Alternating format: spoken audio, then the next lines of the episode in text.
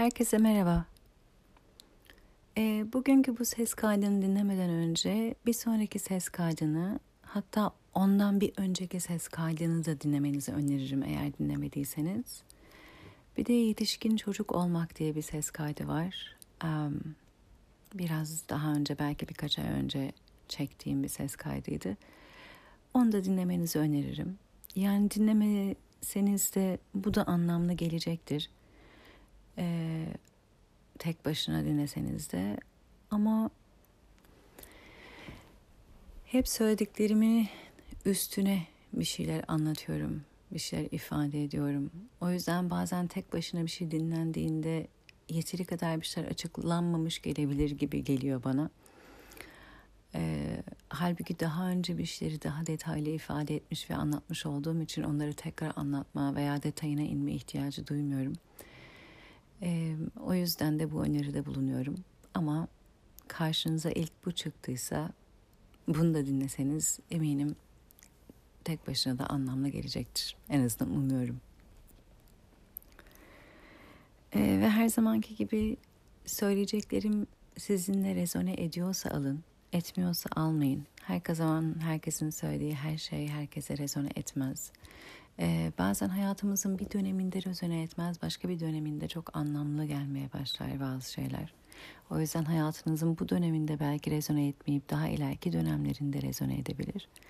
Veya kendinizi anlamanıza değil ama belki etrafınızdaki insanları anlamanıza yardımcı olabilir. Yani kendinizde ha ben böyle yapmıyorum ama evet hani bir arkadaşımın böyle yaptığını gördüm, gözlemledim, anlayamamıştım niye ee, dediğiniz bir şey belki anlamanıza yardımcı olabilir veya kendinizdeki bazı um, varoluş şekillerini, davranış şekillerini anlamanıza, anlamlandırmanıza yardımcı olabilir.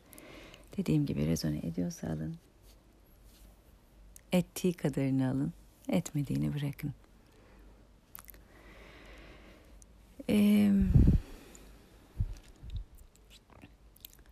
geçen gün bir hafta önceydi belki de çok yoğun bir duygu yaşıyordum. Gerçekten çok yoğun. Ee, çok ağır geldi. Ve direkt e, kalem kağıda almak istedim elime. 10 yaşından beri günlük yazıyorum ve günlük yazmak benim için her zaman çok hem sakinleştirici hem de duygularımı kendime ifade ederek proses edebileceğim. Yani neredeyse hani işlem, işlemek gibi duygularımı işlediğim diyeyim. E, süzgeçten geçirdiğim ve e, hani bir şey işleyip bırakırsınız gibi öyle bir süreçten geçirdiğim e, bir yöntem oluyor aslında. Tabii buna bilinçli başlamadım 10 yaşında bunun bilincinde değildim ama e, bir ihtiyacım varmış aslında beni 10 yaşında günlük yazmaya götüren ve 10 yaşından beri de hiç bırakmadım. Hayatım boyunca her zaman da yazmaya devam ettim. Ve yine çok yoğun bir duygu yaşıyordum. Ee, ve elim kalem kağıda gitti. Günlüğüme yazmaya gitti ve durdurdum kendimi. Dedim ki hayır. Çünkü günlüğüme yazmaya çalışmak bile aslında duyguyu kelimeleştirmeye çalışmak. Anlamlandırmaya çalışmak. Bu da nedir? Zihnimle anlamaya çalışmak aslında. Çünkü kelime bedenin ürettiği bir şey değil. Zihnimin ürettiği bir şey ve zihnimin anlayıp anlamlandırıp ifade ettiği bir şey. Ve evet, çoğu zaman çok işe yarıyor, çok iyi geliyor. Um, ve hatta gerekli. Ancak o an hissettim ki bunu anlayıp anlamlandırmaya çalışmak değil, hissetmeye ihtiyacım var. Ben niye kalem kağıdı alıyordum? Çünkü kendimi bir yatıştırma, dinginleştirme, sakinleştirme yöntemlerimden biriydi. Ee, Yani adeta ağlayan bir çocuğa emzik vermek gibi. Yani duygularım o kadar yoğundu ki o duyguları neredeyse bir şekilde yatıştıracak, dinginleştirecek bir şeye ihtiyacım oluyordu ve onu anlamak, anlamlandırmak, ifade etmek ve oradan akmasına, kanalize olmasına izin vermek benim için bu yöntemlerden biri. Hala da öyle. Fakat o an fark ettim ki tek başıma evdeyim. Yoğun bir duygu yaşıyorum. Evet ağlıyorum. Ama gitmem gereken bir şey yok. Yapmam gereken bir şey yok. Akşam vakti tek başımayım. Benim kendimi illa dinginleştirmeye ihtiyacım yok. Ben şu an kendime bu duyguyu yaşamaya izin veririm. Verebilirim.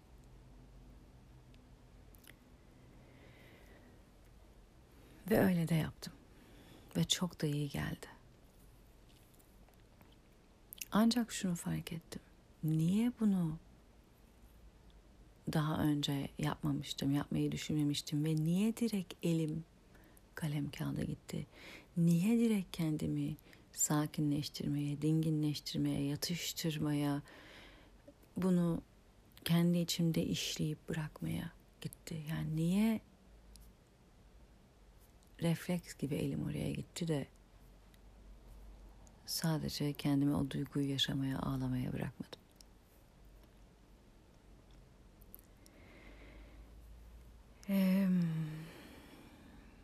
Tabii ki birçok nedeni var.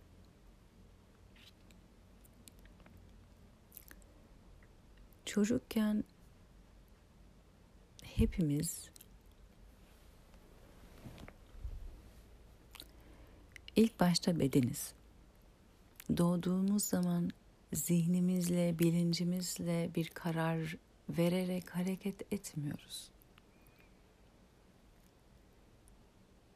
O sırada bizi yöneten e, sinir sistemimiz ve bedensel ihtiyaçlarımız oluyor. Acıkıyoruz, ağlıyoruz, bir şey istiyoruz, ağlıyoruz, canımız acıyor, ağlıyoruz. Bir bebek tamamen bedensel ihtiyaçlarıyla güdülüyor ve oradan iletişime geçmeye çalışıyor bilinçli, zihinsel bir şey yok. Sinir sistemi, fiziksel durumumuz hepsi bir şekilde etkileniyor ve bunu çeşitli şekillerde beden, bünye ifade ediyor.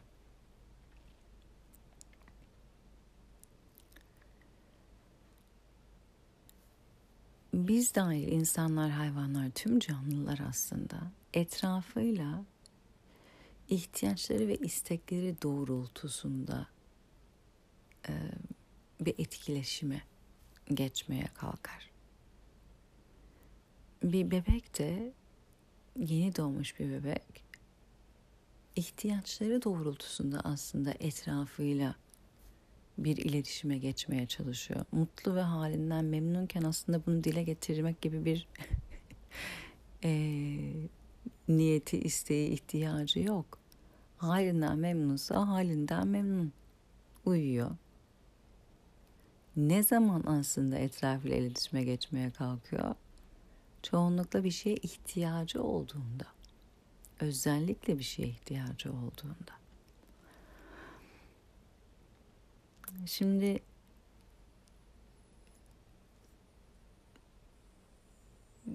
burada nedir? O ihtiyacı nasıl hissediyor? Bir rahatsızlık hissederek.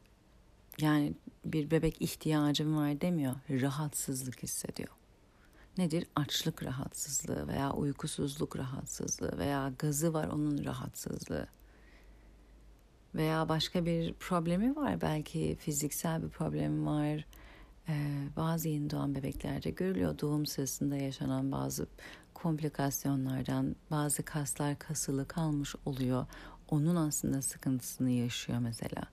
Bazı masajlarla, e, desteklerle giderilebiliyor. Bir rahatsızlığı olduğu zaman onu dile getiriyor. Yani Orada açım demiyor değil mi çocuk? Rahatsızlığından dolayı ağlıyor. Bebeğin kendisi de bilmiyor rahatsızlığının kaynağının ne olduğunu. Şimdi bebek yavaşça büyüdükçe bedende var olmaya devam ediyor. Bilinç ve zihnin devreye girmesi, bir çocuğun açım demesi, inin, inanın çok ileri yaşlarda. Çocuk yaşlarda çocuklar hala mesela acıktığında ağlıyor. Açım demeyi bilmiyor veya karnım ağrıyor veya başı ağrıyor.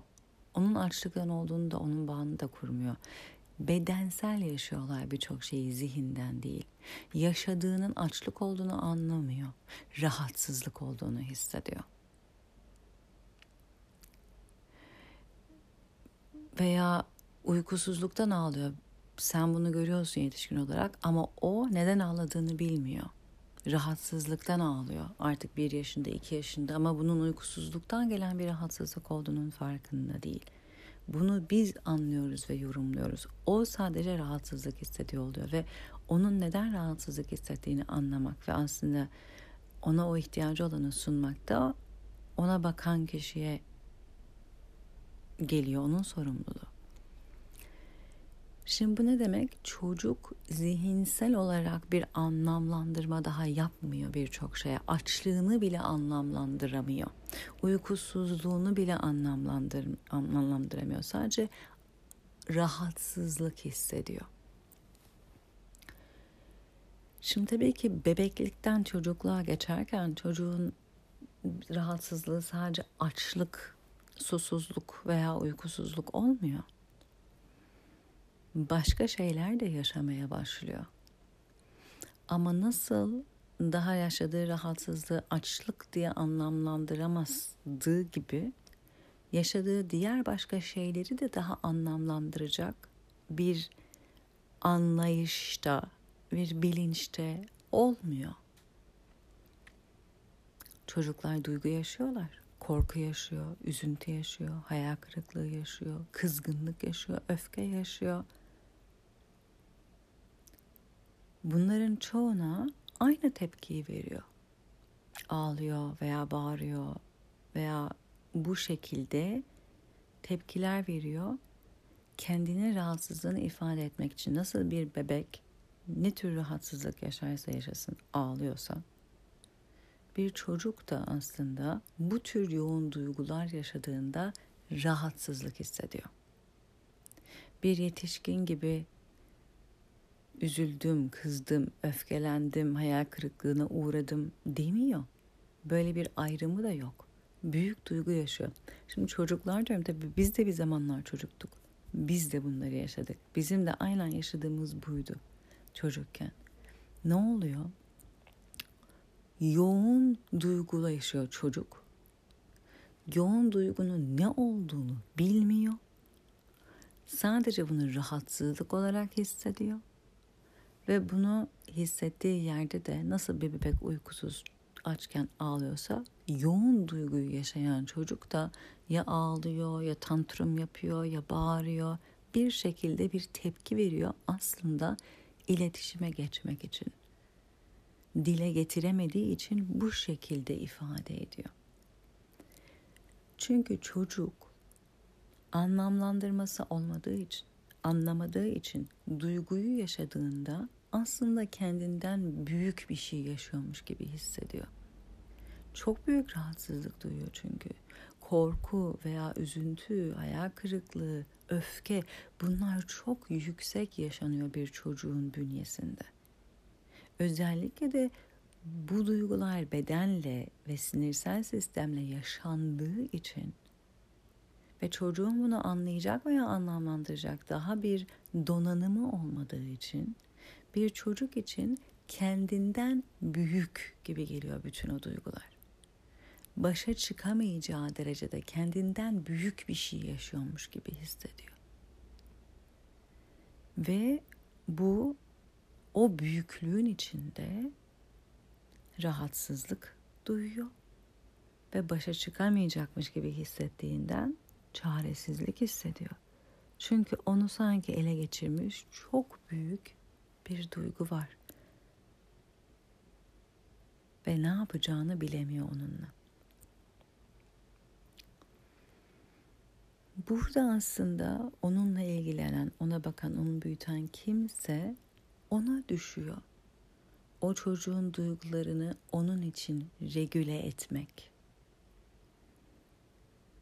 Ona ifade etmek, onun anlamasına ve anlamlandırmasına yardımcı olmak, onu dinginleştirmek, onu yatıştırmak, onu rahatlatmak, bu duyguyu anlamasını sağlamak, anladıkça da kendinden büyük değil, başa çıkabileceği, yönetebileceği, deneyimleyip yatıştırabileceği bir şey olduğunu göstermek, deneyimletmek.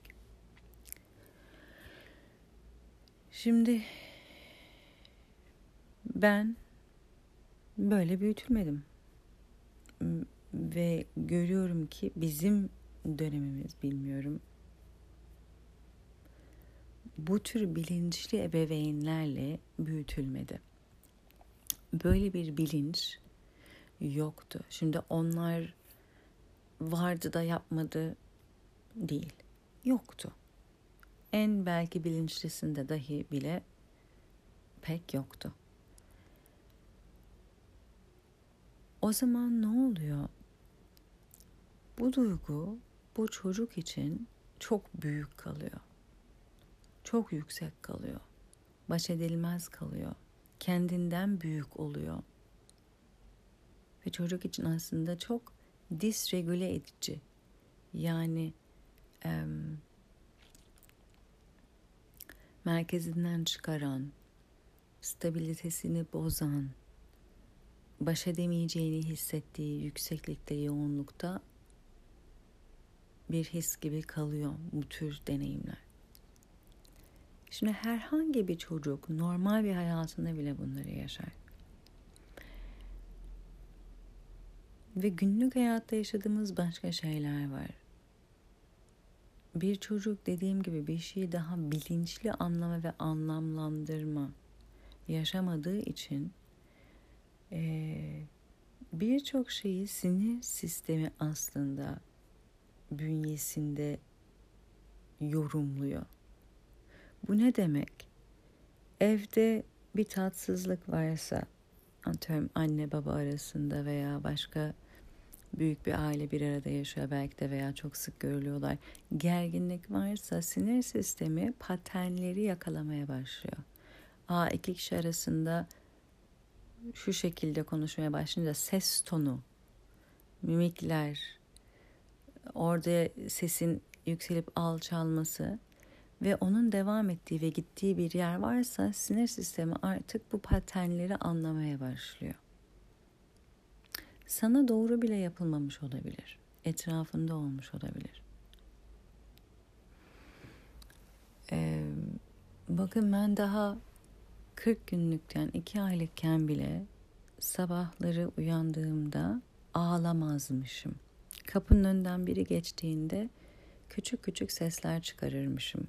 Hani ben buradayım uyandım. Hani biri gelip ilgilenirse iyi olur şeklinde. Bir yaşından daha küçükken annem beni böyle bir şeyin içine oturturmuş. Playpen dedikleri işte dört tarafı kapalı. Üç buçuk saat orada otururmuşum. Diyordu ki annem yani çok kolay bir bebektin. Ben seni unuturdum bile çünkü ses bile çıkarmazdın. Hiçbir insana ihtiyacın olmazdı. Hiçbir ilgi beklemezdin. Şimdi öyle bir şey ki aslında sinir sistemi doğduğun andan itibaren data topluyor, patern topluyor, bilgi topluyor ve ona göre seni en iyi koruyacak e, yöntemleri buluyor.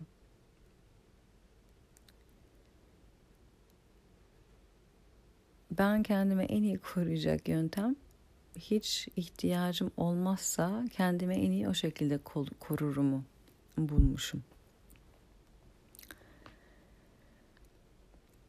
Ee, bu aslında dışarıyla ilgili bir bilgi. Ben bunu hatırlamıyorum. Bu hani annem babam bunu bunu şunu yapmıştı bunu yapmıştı. Yok ben böyle bir şey hatırlamıyorum. Bir yaşından küçükmüşüm. Bunu bana annem anlattı ve hani ilginç diye anlattı. Çok kolay bir bebektin diye anlattı. Şimdi tabii ben geri dönüp baktığımda bir yaşından küçük bir çocuğun üç buçuk saat kadar hiçbir ilgi alaka istemeden tek başına oturması beni düşündürtüyor. Ee, bu kadar bir şeye ihtiyacı olmadan, bu kadar bir istek dile getirmeden, bu kadar bir komünike etmeye doğru yönelmeden kalmak e, dışarıyla ilgili olan bir bağ kurmakta ilgili bir bilgi veriyor bana. Demek ki sinir sistemim böyle en güvende hissetmiş diyorum ben. Bunun da bir nedeni var. Ve öbür taraftan annem üç buçuk saat seni unutabiliyordum yere geldiğinde dediğinde. Düşünsenize bir yaşından küçük bir çocuğun hiç kimsenin onunla ilgilenmediğini, gelip bakmadığını üç buçuk saat. Kimsenin kötü niyeti yok burada. Bir anne için ne kadar kolay düşünsenize tabii ki anne bırakır ses soluğu çıkmayan bir çocuk. Eee fakat içeride bir şeyler oluşmuş. Ben onları görüyorum. Şimdi kendim için. Herkesin de hikayesi başka. Kendimin örneğini vermemin nedeni bazen insanlar diyor ki ben bir şey hatırlamıyorum. Bana kötü bir şey olmadı ki. Hatırlamıyoruz bazen olanları. Çok küçüktük. Bazen illa kötü bir şey olmuyor çünkü. Bir şeyin yokluğu da aslında sinir sisteminde etki yapar anlayışımızda ve anlamlandırmamızda etki yapar bir şeyin olması değil, bazen yokluğu ve çoğu zaman yokluğu ifade etmek çok zordur. Bana kimse kötü bir şey yapmadı ki dediğimizde aslında yapılması gereken şeylerin yapılmadığı yerde de bir e, eksiklik yaşandığı, duygusal bir eksiklik yaşandığı, yeri geldiğinde duygusal bir istismar yaşandığı ve hatta o kişinin oradan da çok büyük yara alabileceğini unutuyoruz. Çoğunlukla kötü bir deneyim var mı diye bakıyor bir insan. Ah yerinde çok kötü deneyimler de oluyor. Ama bazen aslında kötü bir deneyimin yokluğu demek illa e, olumsuz etki yarattı bir şey, olumsuz etki yaratmış olan bir şey yoktu demek olmuyor. Bazen bir şeyin olmayışı da zaten olumsuz etki yaratıyor.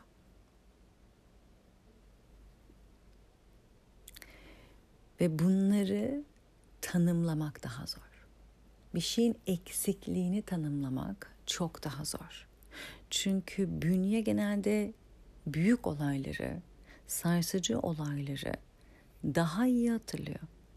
Fakat çocukken şunun eksikliğini yaşadığımı ifade etmek daha zor ve onun aslında bizim üzerimizde nasıl bir etki bıraktığını anlamak ve bugünümüzü nasıl etkilediğini anlamak daha zor oluyor.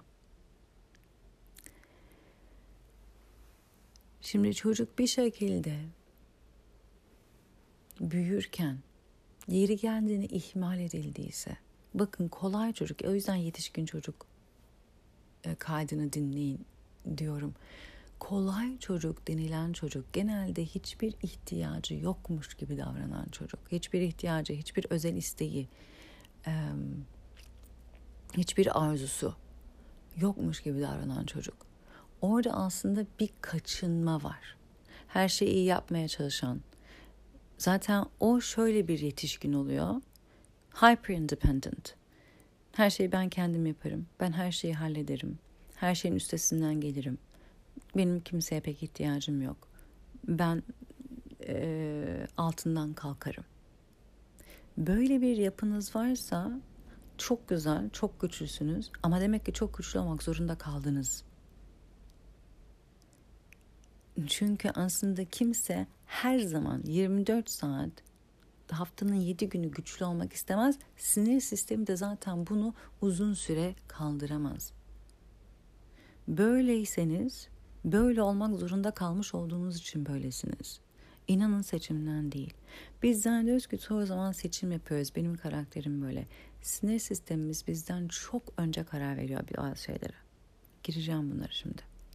O yüzden şunu söylemeye çalışıyorum. Yani bazen bazı şeyleri oluşmamızın nedeni kimse bize sen tek başına her şeyi halletmelisin demedi belki.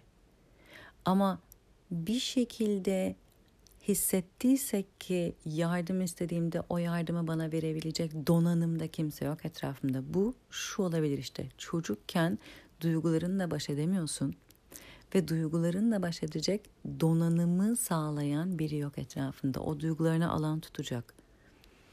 O duygularını regüle etmene yardımcı olacak. Anlamlandırmana yardımcı olacak biri olmadığında senin en büyük belgede orada sarsıcı bir şey yaşadığın, o duyguyu yaşadığın yerde ve bunun nedeni bile zaten anne baban olabilir, ebeveynlerin olabilir, yakınların olabilir. Zaten nedeni de kendileri olabilir bunu sende yaratanın. Onlar zaten nedeni kendileri ise regüle eden onlar olmayacaklar. Nedeninin kendileri olmadığı yerde bile donanımları yoksa onlar olamayacak. Çünkü çoğu yetişkin zaten yetişkin olamamış büyük. Yani yaş almış ama yetişkin olamamış büyük. Çünkü kendi duygularını regüle etmeyi bilmiyorlar. Çünkü onlar da öyle büyütülmemiş. Onlara da öğretilmemiş. Onlar kendi duygularını regüle etmeyi bilmedikleri için sinir sistemleri regüle değil. Dolayısıyla bir çocuk zaten yani regüle olmamış bir sinir sistemi olarak dolaşıyor her çocuk. ben öyle diyorum. Çocuklar küçük çocuklardan bahsediyorum. Regüle olmamış sinir sistemleri olarak etrafta dolaşıyorlar. Ve onları aslında yatıştırmak, dinginleştirmek, regüle etmek yetişkine düşüyor. Ama yetişkinin kendisi yaş almış bir çocuk. Aynı şekilde regüle edilmemiş bir sinir sistemi olarak etrafta dolanıyor. Zaten o ebeveyn o çocuğu büyütmeye çalıştıkça kendinden bile daha regüle olmamış bir çocuğu aslında büyütmeye çalışıyor ve tabii ki ona onu sunamıyor. Çocuğun ihtiyacı olan şeyi sunamıyor. Çocuğun oradaki en büyük aslında sarsıcı şey yaşadığı bedenindeki o rahatsızlık ve o rahatsızlığı giderebilecek etrafında ona bunu sunabilecek bir ebeveyn olmadığında çocuk kendi kendine yöntemler bulmaya çalışır. Bu içindeki rahatsızlığı ya ifade etmek için ya atmak için ya dindirmek için. Ve her çocuğun yöntemleri farklı olabiliyor. Bunu kendi kendinize çözmeniz gerektiyse daha çocuk yaştan, çok küçük yaştan şunu öğreniyorsunuz ki sorunlarım ve rahatsızlıklarımı çözmek benim problemim. Çok basit.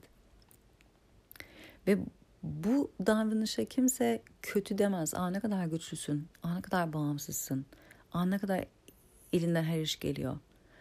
Ne kadar um, başına buyruksun. Toplumda bu aynı zamanda çok da övülen bir şey olduğundan bunun aslında um, belki de üzerine eğilmesi gereken, anlaşılması gereken ve kaynağını ve köküne gidilmesi gereken bir şey olarak görülmüyor çoğu zaman.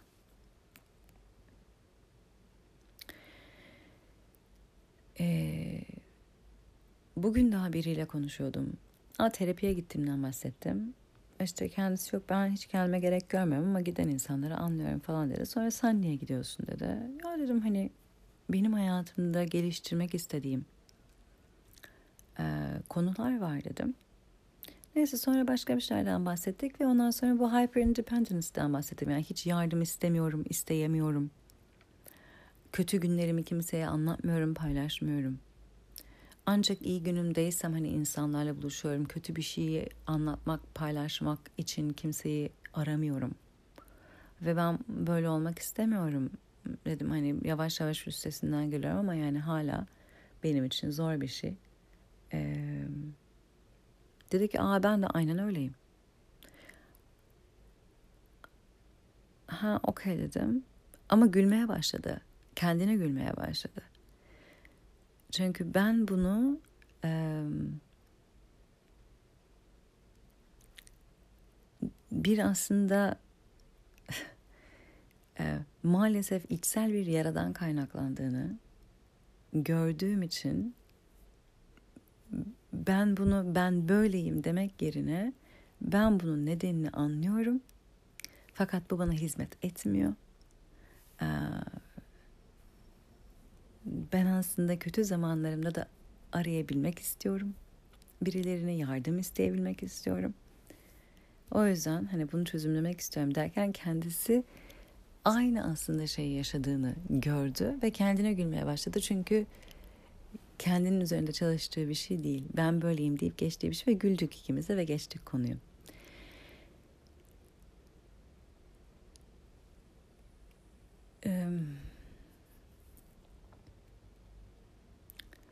Çoğu zaman birçok şeyin bizi aslında ne kadar sabote ettiğini fark etmiyoruz.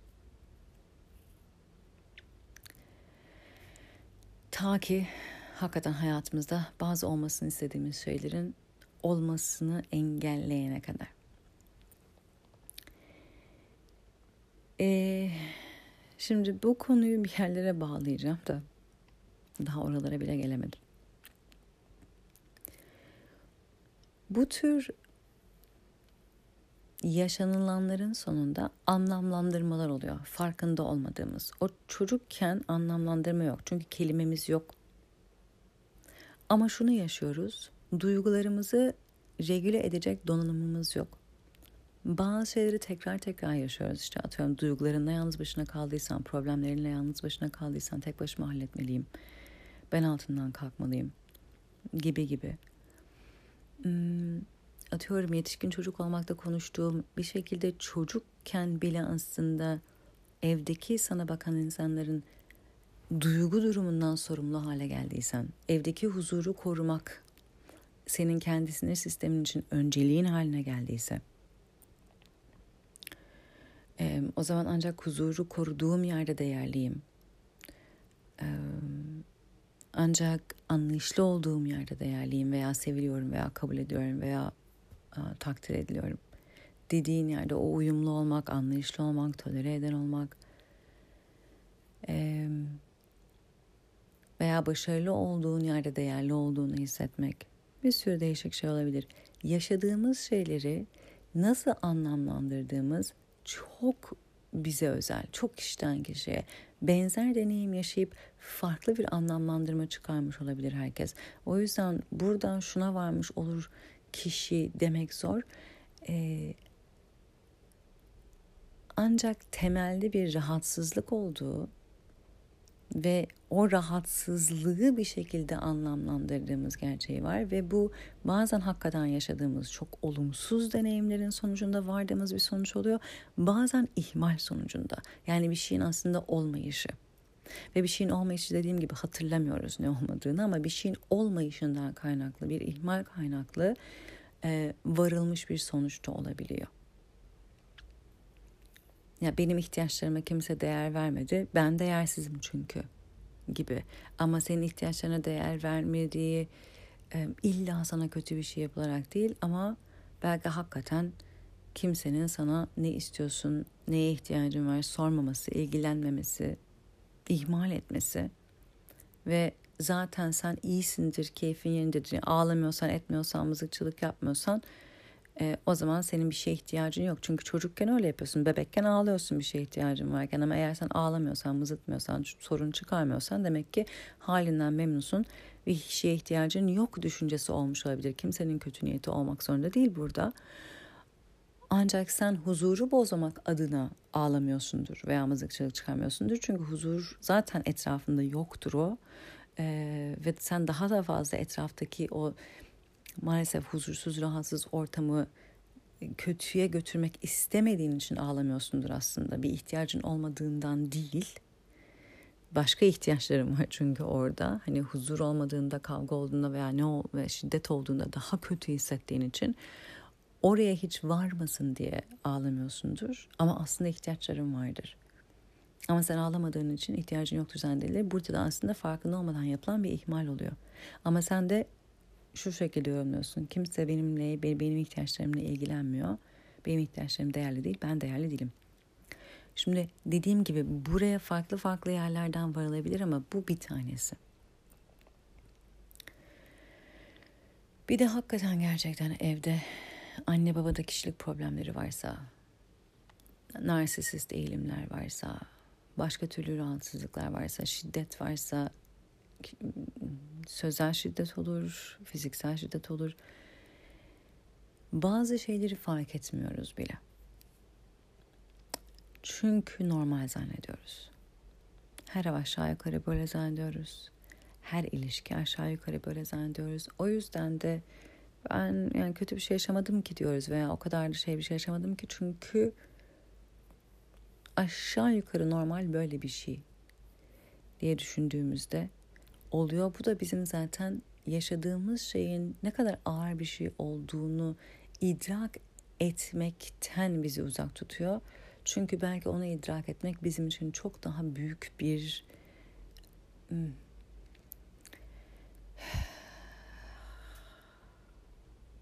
zorluk olacak. Çok daha çarpıcı ve çok daha ağır olacak. Yani kendi yaramızı idraktan uzak tutan bir şey olabiliyor. Bize olanı ve yaşadığımız şeyi idrak etmek. Yani bize olan ve yaşadığımız şeyin ağır bir şey olduğunu idrak etmekten uzak durursak kendi yaramızı idrak etmekten de uzak kalmış oluruz. Ve çoğu insanın zaten maalesef kaçtığı yer o en derindeki rahatsızlık. İlk başlarda anlattığım o rahatsızlık hissi var ya rahatsızlıktan ağlıyoruz. Aslında açlık mı uykusuzluk mu nedir bilmiyor çocuk. Rahatsız olduğu için ağlıyor. Bizim de içimizde öyle bir rahatsızlık var.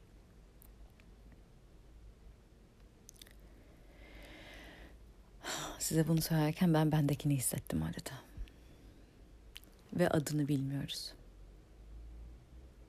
Çocukken de bilmiyorduk. Ve kimse de bizim için bunu anlamlandırmadı. Kimse de bizim için bunu tanımlamadı. Bizim de o yaşlarda bunu tanımlayacak bir donanımımız yoktu.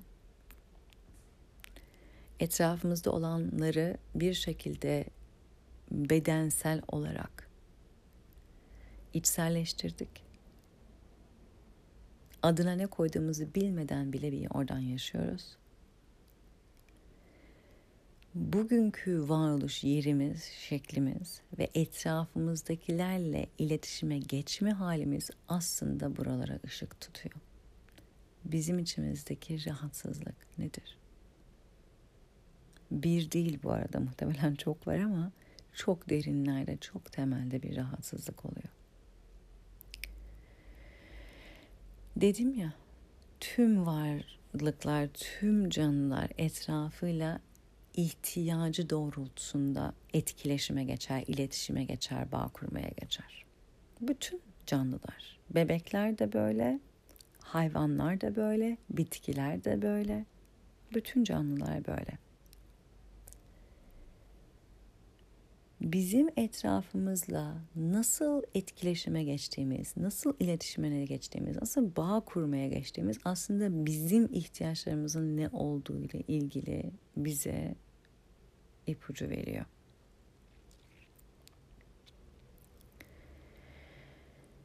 Ah, kendim için derin bir yere dokunuyorum bunları anlatırken de o yüzden böyle bir nefes verme ihtiyacı oldum. Kendi içimdeki e, bu rahatsızlığın bedenimde nerede olduğunu rahatlıkla hissediyorum.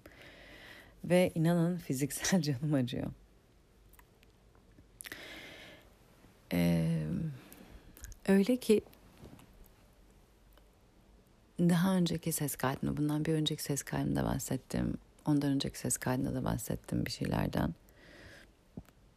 Bu rahatsızlık hissi bir yandan da aslında korku hissiyle birleşiyor. Çünkü çocukken o boyumuzdan büyük duyguları yaşamak bizim için çok ağır ve korkutucu oluyor. Onunla ne yapacağımızı bir şey bilemiyoruz. Bizi çok etkiliyor, sarsıyor. Yani böyle şey bir kasırgada kalmışsın gibi öyle bir çaresizlik yani kasırganın içine almış seni döndürüyor gibi hissediyor duygu bizi. Öyle yüksek bir duygu, öyle bizden büyük bir duygu gibi geliyor. Ee, ve tabii bunun da verdiği rahatsızlık var. O duygunun büyüklüğünün getirdiği. Bir yandan da korku var çünkü o duygu kasırga gibi geliyorsa bana ne yapacak? Bana nasıl bir etkisi olacak? Beni nasıl nerelere alıp savuracak? Şimdi ben mesela bunu söylediğimde bu korku, rahatsızlık arkadaşlarıma da konuşuyorum çünkü. E bana korku gibi gelmiyor diyen de çok insan var. Çünkü korkuyu şöyle daha açıklıyoruz. İşte karanlık bir sokak düşünün. Karanlık bir sokakta akşam vakti yolda yürürken 15 tane sokak köpeğinin bir anda havladığını duyuyorsun. Ve sana doğru bakıyorlar ve sana doğru yürümeye başlıyorlar havlarken. Burada çok özünde bir korku hissedersin ve gerçekten de hani hayatta kalma korkusu veya fiziksel çok ciddi zarar görme korkusu yaşıyorsundur. Oradaki korkuyu çok net bir şekilde yaşarsın. Bunu bu şekilde yaşamadığımız yerlerde o günlük hayattaki ilişkilerimizde yaşadığımız o rahatsızlık ve böyle irite ve tam irite demek istemem ama böyle bedendeki yoğunluğu korku diye yorumlamıyoruz. Bunun nedenlerinden bir tanesi o kadar büyük ve o kadar belirgin olan şeye korku dediğimiz için diğer şeylerdeki bilgiyi almıyoruz. Bedenle işte ben e, yoga ve şifa kampımda somatik deneyimlerle aslında bunları öğretiyorum. Bedenin sinyallerini okuyabilmek ve birçok insan diyor ki ya ben bedenimin dilini öğrendim burada. Yani bedenimle 24 saat yaşıyorum ama dilini bilmiyorum. Bana ne söylemeye çalıştığını anlamıyordum. Bunu ilkokulda öğretiyor olmaları lazım dediler. Ve haklılardı. Evet çünkü aksi takdirde beden sürekli bizimle iletişim halinde ama biz ne dediğini bilmiyoruz. O yüzden aslında ilişkilerde de o rahatsızlığı hissettiğimiz yerler oluyor. Fakat biz bedenin sinyallerini okumayı bilmediğimiz için yaşadığımızın bir rahatsızlık veya bir e, bedeni sempatik sinir sistemine getirdiği yani hafif alert'e getirdiği yani böyle biraz burada ne oluyor ne yapmam lazım hafif stres hormonunu aktive ettiğini anlamıyoruz. Çünkü bedenin o sinyallerinin ne olduğunu bilmiyoruz. O yüzden de beden o sinyalleri verdiğinde onları okumayı bilmiyoruz. O yüzden bedenin aslında yavaş yavaş bir saniye burada ne oluyor dikkatli mi olmam lazım etrafımı e, kolaçan etmem lazım kendimi nereye konumlandırmam lazım demeye başladığını fark etmiyoruz. O yüzden de insanlara hani bazen bu durumlarda korku devreye giriyor dediğimde yok ben korkmuyorum korkmadım ki, yok korku hissetmedim ki diyor olabiliyor insanlar. Çünkü onun korku olduğunu bilmiyoruz. Buna ben de dahilim. Bunları bilmeden önce ben de bu şekilde yorumlamıyordum. E, çünkü kimse bu şekilde bakmayı öğretmedi. Kimse bu şekilde bedenin dilini okumayı öğretmedi. Öğrenmem gerekti bende ve ben de o yüzden bu şekilde yorumlamıyordum. Ve çoğu yerde size şöyle söyleyeyim. Kendimi bir insana aşık olduğumu düşündüğüm yerlere geri dönüp baktığımda aslında ne kadar sinir sistemin o alert halde olduğunu, tetikte olduğunu ve böyle o anksiyetede olduğunu görüyorum. Ve o yükselme hissi. Ha işte oraya geliyor. Bakın Genelde ne oluyor? Biriyle karşılaşıyoruz. Atıyorum bir çekim duyuyoruz. Çekim duyuyoruz dediğimiz nedir acaba? Beden orada bir şeyle etkileşime geçiyor. Çekim bu. Bir etkileşim. Çoğu zaman çünkü ay çok büyük çekim duyuyorum ama tam olarak ben bile anlamıyorum. Zihninin anladığım bir şey değil çünkü. Anlayabildiğin, anlamlandırabildiğin, ifade edebildiğin bir şey olmayabiliyor çekim dediğin zaman. Beden orada bedensel bir çekim duyuyor. Çünkü bedenin hatırladığı bir şey var. Bedenin çekim duyduğu yerde genelde ne hissediyor çoğu insan? Heyecan diyor değil mi? Çekim duyduğu insanı gördüğünde heyecan. Yükselme yaşıyorum diyor. Kalp atışı. İşte kelimelerimi seçemiyorum. Elim ayağımı dolanıyor. Bundan daha önce bahsettim. Bunların hepsi anksiyete göstergesi. Sinir sisteminizin nasıl stres hormonunu üretmeye başladığının göstergesi. Sen orada çekim duyuyorum dediğin yerde aslında beden tanıdık bir şey seziyor ve onun hazırlığına giriyor. Dedim ya size çocukken sinir sistemi paternleri öğrenir. Neyden sonra ne gelir? Neyine takip eder? Burada da aslında bir insanda bir şeyi sezmeye başlıyor. Çocukken etrafınızı sezmeye özellikle çok duyarlıysanız başlıyorsunuz. Etrafınızda dengesizlik varsa, ikili ilişkilerde yok yere olumsuz tepkiler veriliyorsa, illa size olmasına gerek yok. Aynı evin içindeki iki kişi arasında birbirine de olabilir. Hiç beklenmedik anlamda beklenmedik tepkiler, beklenmedik söylemler, olumsuz yaşanan şeyler. Sana karşı olmuş olabilir, evde insanların birbirine karşı olmuş olabilir. O belirsizlik, tutarsızlık, dengesizlik veya belli konuşmalarda o neyin nereye gideceğini sezmek veya o evdeki huzursuzluk hali veya rahatsızlık hali bunların hepsini tanımayı öğreniyor sinir sistemi. Bedensel olarak tanımayı öğreniyor. Çünkü her biri o çocukkenki haline rahatsızlık yaratan ve sende o yoğun duyguyu yaratan ve seni oraya götüren ve e, rahatsız huzursuz hisseden yere götüren şeyler olduğu için beden hepsinin datasını topluyor. Kendini bunlara hazırlamak için. Kendini bunlara göre konumlandırabilmek için. Yetişkin yaşında da bunları çok rahat seziyor. Nerede ne var? Ve aslında ona karşı kendini hazırlıyor. Senin çekim dediğin anksiyete duygun oluyor. Aa, bazen şunu diyoruz bazı insanlarla. Çok yakın hissettim. Çok rahat hissettim.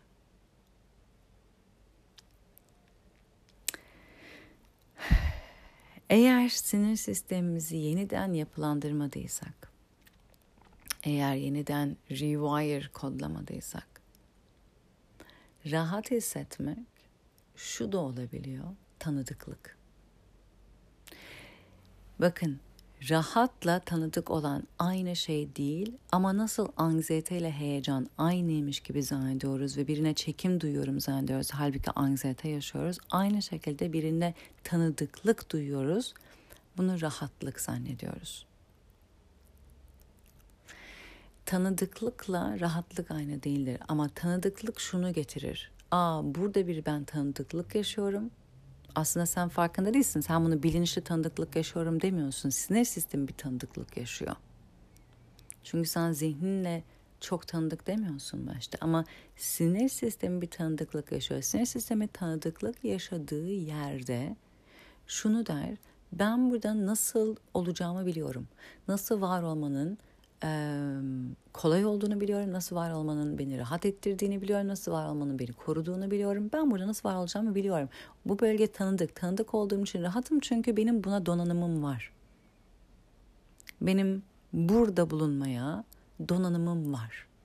Bunu hissettiği yerde o zaman o tanıdıklık olduğu yer kendini rahat hissettiğini düşündüğü yer oluyor kişi o tanıdıklıkla sinir sisteminin ben burada kendimi nasıl konumlandıracağımı biliyorum dediği yeri ve kendini donanımda hissettiği yeri rahatlık olarak yorumluyor.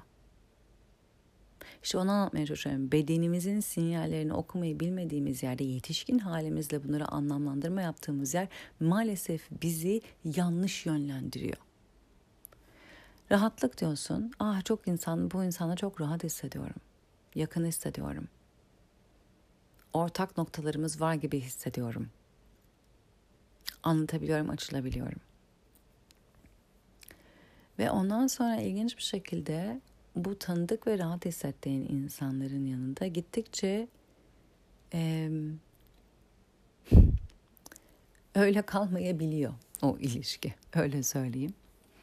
E, o tanıdık ve rahat hissettiğim, her şeyi konuşabildiğim dediğin yerde ileride aslında dengesizlikler, rahatsızlıklar ve huzursuzluklar yaşamaya başlayabiliyorsun. Şimdi biraz önce de dediğim gibi eğer sinir sistemi aslında belli paternleri okumayı öğrendiyse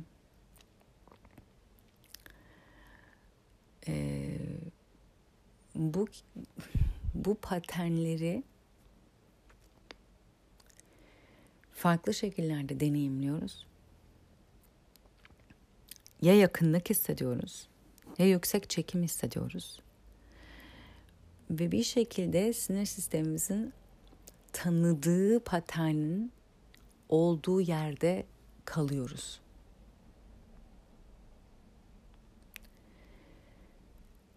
Bu insanlar, bu paternleri yaşadığımız insanlar bizim içimizde sinir sisteminin tanıdıklık yarattığı, bu çekim de olabilir çünkü çekim de aslında tanıdıklık yaratıyor.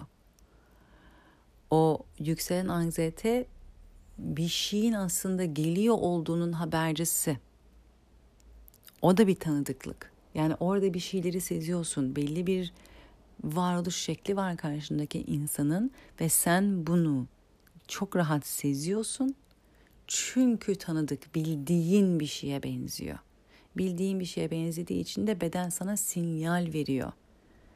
Burada tetiğe geç aslında diyor sana. Biz ah çekim duyuyorum deyip o insana doğru koşuyoruz. Halbuki ondan kaçıyor olmamız gerekirken ona doğru koşuyoruz çekim duyuyorum diye. Öbür taraftan da tanıdıklık hissi ah kadar rahatım diyerekten bu sefer orada kalıyoruz.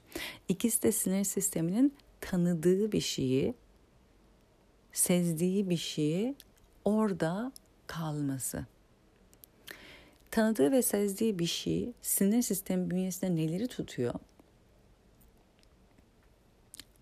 Çocukluktan rahatsız olduğun o yerleri. Rahatsız olduğun, huzursuz olduğun, kendini koruman gerektiği, anlayamadığın, anlamlandıramadığın, tereddütte kaldığın, şüphede kaldığın, iyi hissetmediğin, neyse.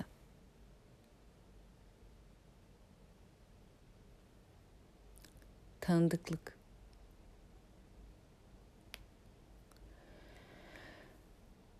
Çünkü işlenmemiş duygular diyeceğim, proses edilmemiş duygular sinir sisteminde takılı kalır. Yani eğer bunlar regüle edilememişti, eğer bunlar işlenemediyse, eğer bu duygular bırakılamadıysa sinir sisteminde yoğun yaşanan bu tür duygular e, zaman içinde donmuş gibi kalır. 3 yaşında mı yaşadın? Sanki 3 yaşındaki yaşamış olduğun halin sinir sisteminde zamanın içinde donmuş gibi frozen in time. Zaman içinde donmuş gibi bünyende kalır. 3, 5, 7, 13 hangi yaşlarda yaşadıysan. Sinir sistemi o yaştaki haliyle tutar o yaşanmışlığı, o duyguyu çok kuvvetli yaşadığımız tanıdıklık duyguları, çok kuvvetli yaşadığımız çekim duyguları aslında o çok kuvvetli yaşanmış ve çözümlenememiş, bırakılamamış sinir sisteminde takılı kalmış duyguların karşılığı. Bunları yaşadığımız kişiler bizim en aslında yaşadığımız ve sinir sistemimizden bırakamadığımız, çözümleyemediğimiz, tıkalı kalmış konularımızı, yaralarımızı aslında bize yaşatıyorlar. Biz farkında değiliz. Bizi oralara götürüyorlar ve orasıya bir kanca gibi takılıyor bu insanlarla olan ilişkimiz kanca gibi. Kancasını takıyor. Çünkü orada çözümlenmeyi bekleyen çok gerçekten derin, yoğun bir konu var. Ne kadar yoğunsa oraya takılmak daha kuvvetli oluyor. Yaşamışsınızdır. Bu kişiyi artık düşünmek istemiyorum, hayatından çıkarmak istiyorum, şey yapmak istiyorum fakat engelleyemiyorum. Zihnim başka bir şey söyler. Hayır bu insan benim için iyi değil, doğru değil, bana iyi gelmiyor, öyle öyle böyle ama durduramıyorum, önüne geçemiyorum. Çünkü teki bugünkü sen zihninle görüyorsun. Yok yani bu insan sana göre değil ama diğeri bu bedensel sinir sistemindeki o 3 yaşındaki 5 yaşındaki yaralı çocuk ve o kadar güçlü bir şey yaşıyor ki o kendince onu yaşıyor. O yüzden de sen zihninle başka, içimle başka yaşıyorum dersin. O için değil, o sinir sisteminin yaralı olan halinin kendine aslında çözüm arayışı. Çözüm arıyor. Ve çözümü bu dışarıdaki kişi zannediyor.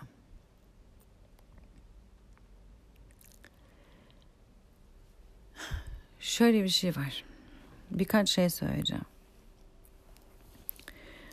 Bu dışarıdaki kişi zannediyor.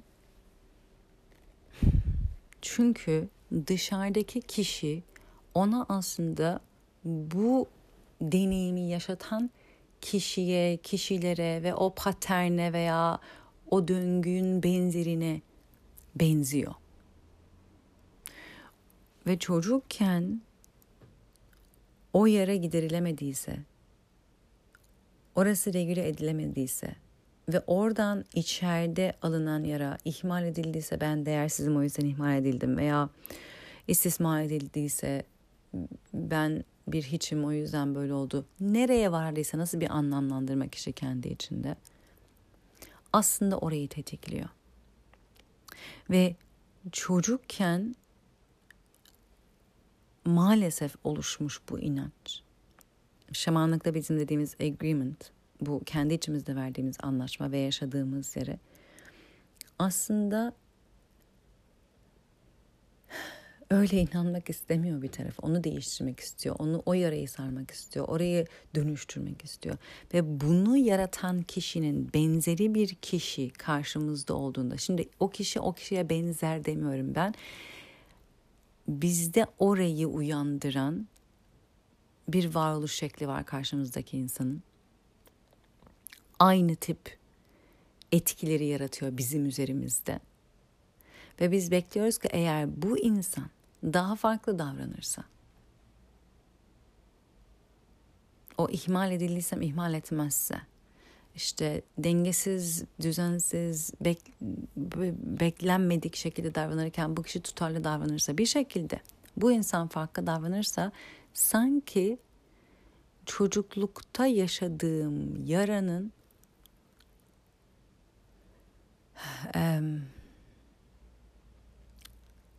disconfirm edecek yani teyit edilmesinin dışına çıkacak. Yani sanki bu kişi farklı olursa demek ki öyle değilmiş inancı olacak. Kendi içinde sanki bak aynı yerden davranan bir kişi bana farklı davranıyor. O yüzden ben değersiz değilim inancı sanki bu şekilde giderilecekmiş diye düşünüyor bünye. Bu sinir sistemi bunu bilinçli yapmıyor. Sinir sistemi kendine şifa arıyor. Sinir sistemi kendine şifa aradığı için de buna neden olan e, template diyeceğim şemayı dışarıda arıyor ki o şema buna çözüm bulursa aslında çocuk anne babadan alamadığını alıyormuş gibi hissedecek. Çocuk diyorum bakın yetişkin değil. O içeride sinir sisteminde 3 yaşında 5 yaşında tıkalı kalmış o çocuk anne babadan alamadığı şeyi anne baba gibi olan birine benzettiği davranış şeklini, yapı şeklini neyse bakın anne baba gibi düşünen, davranan olan demiyorum ama benim davranışları o kadar benzemiyor.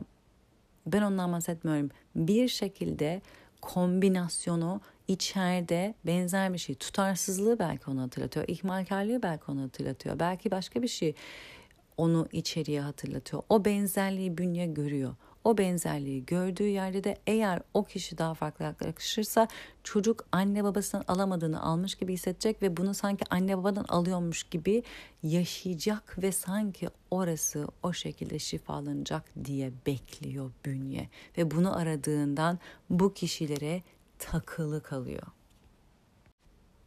Şimdi bu insanlara biz çekim duyuyoruz. Okey.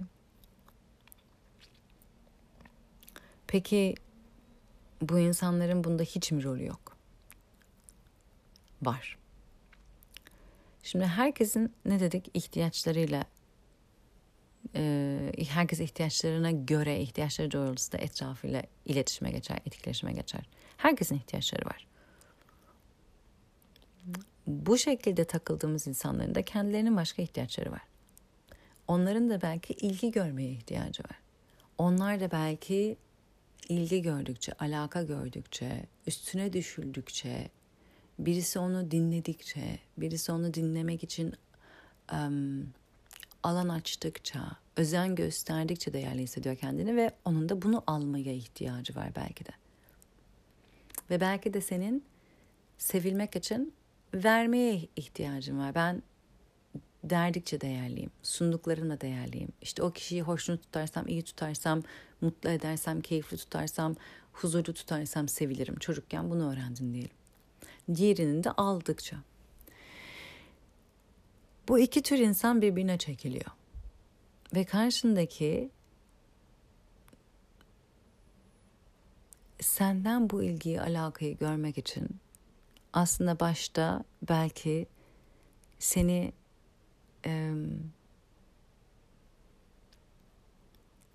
kendine bağlayacak şekilde konuşuyor. O da farkında ve bilinçli yapıyor demiyorum bakın. Bazıları bilinçli de yapabiliyor, bazıları bilinçsiz de yapıyor olabilir. Benzerlikleriniz üzerinden konuşuyorsunuz. Yaşanmışlıklarınızdaki benzerlikler üzerinden konuşuyorsunuz. Hayatla ilgili konuşuyorsunuz. Sana ilgiyle bakıyor. Sana güzel sözler söylüyor. Ee, duymak istediğin, ihtiyacın olan belki de en en can alıcı şeylerini söylüyor. En aslında bir insanda aradığın şeyler hakkında konuşuyor. Çünkü onun da senden almak istediği bir şeyler var aslında. Kimse kusura bakmasın. Var. Ve o da şimdi sadece data toplayan sen misin? O da seninle ilgili data topluyor. O da seni anlıyor. Neye ihtiyacın var, neyi duymak hoşuna gidiyor, ne senin belki de en can alıcı şeyin. O da seni aslında farkında olmadan e, tarıyor ve verilerini topluyor. Belki de farkında olarak işte bilmiyorum. Ve o da seni kendisine bağlamak için belli bir şekilde davranıyor. Kısacası manipüle ediyor. Eğer sen de çocukken belli bir şeylerden ihmal edildiysen, değer görmediysen, görmediğine inandıysan, ihtiyaçların görülmediyse, en belki de işte duymak istediğin güzel laflar sana hiçbir zaman söylenmedi ve bu kişi görüyor ve sana bunları söylüyor.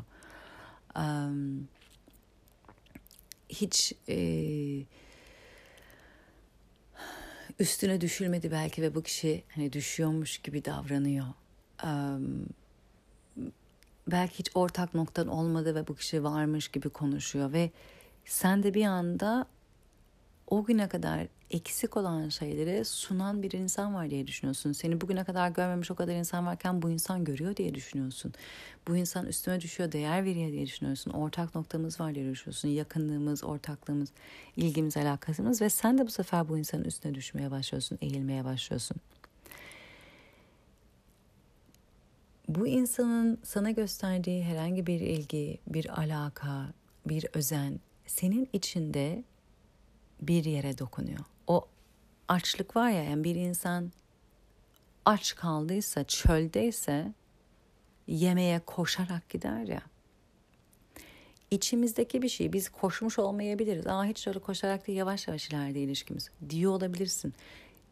Koşmamış olabilirsin ama içerisi oraya doğru böyle adım adım adım adım gidiyordur. Yani hani artık belki de gözü kapalı yavaş yavaş gidiyor ama gözü kapalı gidiyor.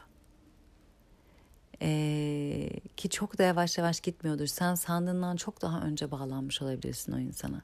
Sandığından çok daha önce o insanla görüşmek için e, kafanda planlar yapıyor, konuşmak için planlar yapıyor olabilirsin. O yüzden biz bazen yavaş ilerledim dediğimizde çoktan o insanı aslında hayatımıza düşünmeye başlamış ve almış oluyoruz. Davranışlarımız da yavaş yavaş gitmeye çalışıyor oluyor olabiliyoruz. Ama zihnimizle çoktan oraya takılı kalmış ve e, o insanı düşünüyor veya bir şeye baktığımızda o insan aklımıza geliyor veya bir şey gördüğümüzde onunla paylaşayım demeye başlamış oluyoruz. Yani aslında orada kanca çoktan takılmış oluyor. Ee, ve işin ilginç tarafı bu ilgiler alakalar aldığımız içeride o aç kalmış sinir sistemini yüksek derecede be besliyor ve hatta bir işte böyle bağlılık yaratıyor. Öyle ki ondan sonra karşıdaki insan belki aynı sıklıkta aramamaya başlıyor aynı sıkta görüşmek için zaman ayırmıyor. Zamanım yok diyor, vaktim yok diyor, işim çok dolu diyor, arayamadım diyor. Ve öyle ki hatta sana da bunun için nedenler söylüyor. Ya işte e, çok işim vardı.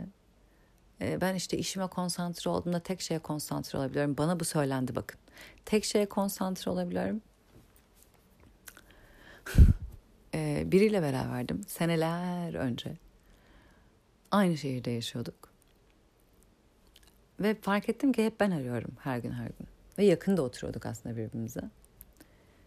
Ve dedim ki ben aramayacağım. Bakalım ne zaman beni arayacak. Yani evlerimizin arası 10 dakika mı 15 dakika mı neydi bu arada. Üç gün beni aramadı. Hiç. Sonunda ben onu aradım. Selam ne haber nasılsın iyiyim. Farkında mısın biz üç gündür konuşmuyoruz dedim. Aa öyle mi ben işime çok odaklıyım.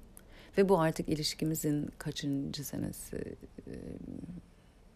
iki herhalde. Yani düzenli bir ilişkimiz var. Sözde yakın bir ilişkimiz var. Falan filan neyse.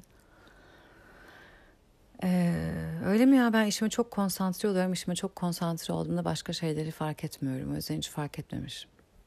Ha, işi öyle hani cerrah falan değil hani böyle 24 saat bir ameliyatta olsun. Herkes gibi ofis işi var yani sabah 9'da gittiği akşam 6'da çıktı yani hani.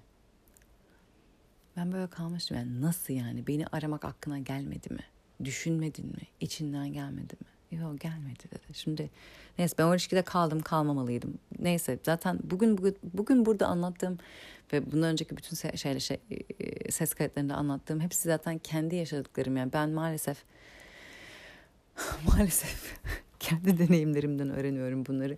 Ee, kalmamam gereken yerlerde maalesef çok uzun kaldım ve bana bu söylendi ve ve okey oluyordum. Yani karşımdaki insanın verdiği neden sanki kabul etmem gereken bir nedenliymiş. Anlamlı bir nedenmiş. Sanki ben çok bekliyormuşum. Benim beklentim fazlaymış ve ben bu kadar beklemeliymişim. İşte doğru düzgün bir adam bir şey de yapmıyor. Na aramak gelmemiş aklına çünkü işi çok yoğunmuş. Bunu kabul ettim mesela. Nasıl kabul etmişim Allah bilir ama kabul ettim. Çünkü maalesef e, hiç ilgisizlik benim için daha az kaldırabileceğim bir şeydi. O kadar maalesef benim kendime verebileceğim sevgim, ilgim, şefkatim, alakam, beğenim, değerim maalesef yokmuş ki o kişinin gerçekten gösterdiği ekmek kırıntısına muhtaç gibiydim. O yüzden en azından ben aradığımda açıyor gibilerinden açıklamakla e, bu ekmek kırıntılarını okuyordum çünkü hiç yoktan daha iyi geliyordu. Çünkü bende kendime verebilecek hiç yokmuş. Bende kendime verebilecek hiç olmadığı için bu kişi ekmek kırıntısı veriyorsa ona okey olmak gibi işte bu.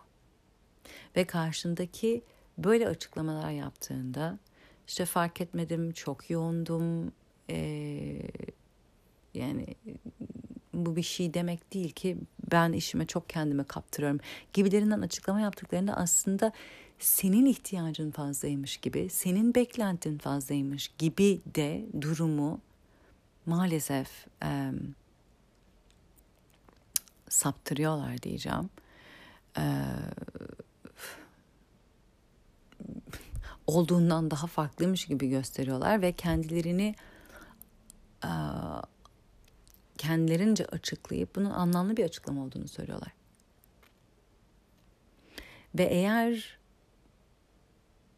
bunu kabul ediyorsak bu bizim aslında oraya tutunmaya ihtiyacımız olan bir şeyin göstergesi.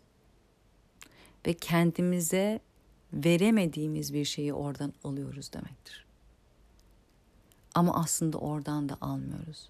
Çünkü o kişinin gösterdiği ilgi gerçek bir ilgi olmadığı için maalesef aslında zaman içinde o kişinin ilgisizliğini kabul etmeye başlıyoruz. Bu da çocukken aslında kabul ettiğimiz şeyi aynı şeyi kabul etmeye devam ettiriyor. Ve o kişi ne zaman ilgi gösterecek veya ne zaman güzel bir şey söyleyecek veya ne zaman eskisi gibi belki de bir şey yapacak diye de bekliyoruz. Ve arada da yapıyor olabiliyorlar. O da ne biliyor musunuz? Böyle kumarda hani şey makineleri vardır. E, slot makineleri böyle kolunu çekersin. Ding ding ding ding ding döner. Ondan sonra sizin hiçbir şey yaptığınız yoktur. Kendi kendine tesadüfen gelirse hepsi aynı şey gelirse sıradan işte o büyük ödül falan. Onu çekmek gibi. Çekiyorsun çekiyorsun ne zaman acaba şansıma gelecek de bana ilgi gösterecek veya bu sefer cevap verecek veya arayacak veya görüşelim diyecek veya güzel bir şey söyleyecek diye o, o kolu çeker gibi olmaya başlıyor. Ve sinir sistemi maalesef oradaki belirsizliğe takılı kalıyor. Bir önceki ses kaydımı dinlemediyseniz lütfen dinleyin. Sinir sistemi oradaki belirsizliğe takılı kalıyor ve eğer bir noktada hakikaten güzel bir söz söylerse, hakikaten ararsa, hakikaten mesaj atarsa da orada e, büyük ikramiyeyi kazanmışsın gibi bir dopamin yükseliyor. O olduğunda da oraya takılı kalmaya devam ediyorsun. Çünkü çok büyük bir yükselme oluyor. O yükselmeyi de ah diye hissediyoruz. Ah bu insan ne yaparsa yapsın ben yine de çok seviyorum diyoruz ondan sonra. Ah bu insan evet öyle davranıyor ama bak geldiğinde de ne güzel geliyor ne güzel söylüyor deyip onun yükselmesine kapılıyoruz. Çünkü sinir sistemi için gerçekten o böyle bir e, inanılmaz büyük bir ikramiye kazanmışsın gibi oluyor ve arada bu büyük ikramiyeleri kazanma ihtimalinden ötürü e, aslında o insanın istismarına ve ihmaline kabul ediyor oluyoruz. İşte bunların hepsi aslında sinir sisteminin orada takılı kalmasından. Çünkü zihnimiz bunu söylediğimde ben bana yapılanları kendi kendime konuştuğumda ve anlattığımda inanamıyorum neleri kabul etmiş olduğuma, nasıl bunu alttan aldığıma, nasıl izin verdiğime inanamıyorum. Ama o gün olduğunda onlar yaşanmış olduğunda nereden yaşandığımı da görebiliyorum. O yüzden bunları yaşarken ve bunları fark ederken iç dünyamızdaki bunu yaşayan o küçük halimize de çok büyük şefkat göstermemiz gerekiyor ama o küçük halimizi kurtaracak da biz olmalıyız. Bu bu süreçte çünkü ne diyorum bu kendime yapılanları gördüğüm ve neleri kabul ettiğimi gördüğümde şunu görüyorum. Maalesef o ilişkileri yürütmek adına ve belki de o insana alabileceğim iki gram ilgi, sevgi, alaka için ben maalesef kendimi çok terk ettim ve e, çok şeye tolere ettim. Um, ve bu benim kendime sunamayacağım bir şey olduğunu düşündüğüm için dışarıdan almaya çalışmamdan dolayı oldu. Ve sanki onu o kişiden alırsam bak ben değerliyim veya bak sevilebilirim mi kendime inandıracağım gibi oldu ve o insanın iki gram ilgisi kısa sürelik bir rahatlama veriyor. Kısa sürelik. Bak işte diyorsun, bak işte geldi. Bak işte aslında ilgileniyor, bak işte seviyor. Kısa süreli bir rahatlama veriyor. Kısa süreli bir çözüm. O size bahsetmiştim ya o büyük bir rahatsızlık var ve elime günlüğümü aldım ve yazıya geçecektim. Ama hayır duyguyla kal dedim. İşte o rahatsızlık aslında yaşıyoruz o insanla çocukken yaşadığımız o çözüm bulamadığımız rahatsızlığı yaşamaya başlıyoruz. Böyle takılı kaldığımız insanlarda.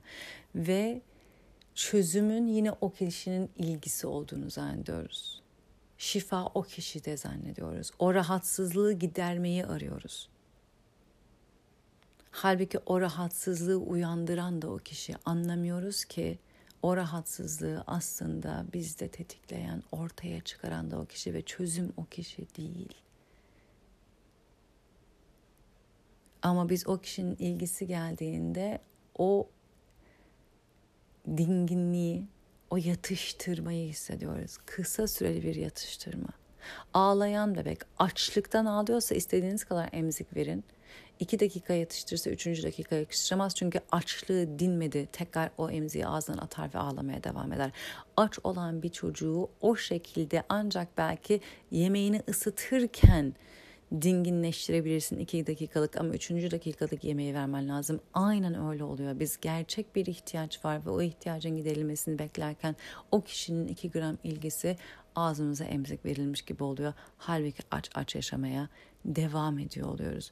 Çünkü burada maalesef biz daha kendimize o rahatsızlığı giderecek kişi olamamış olduğumuz için dışarıda arıyor oluyoruz. Ama biz o kişi olabiliriz.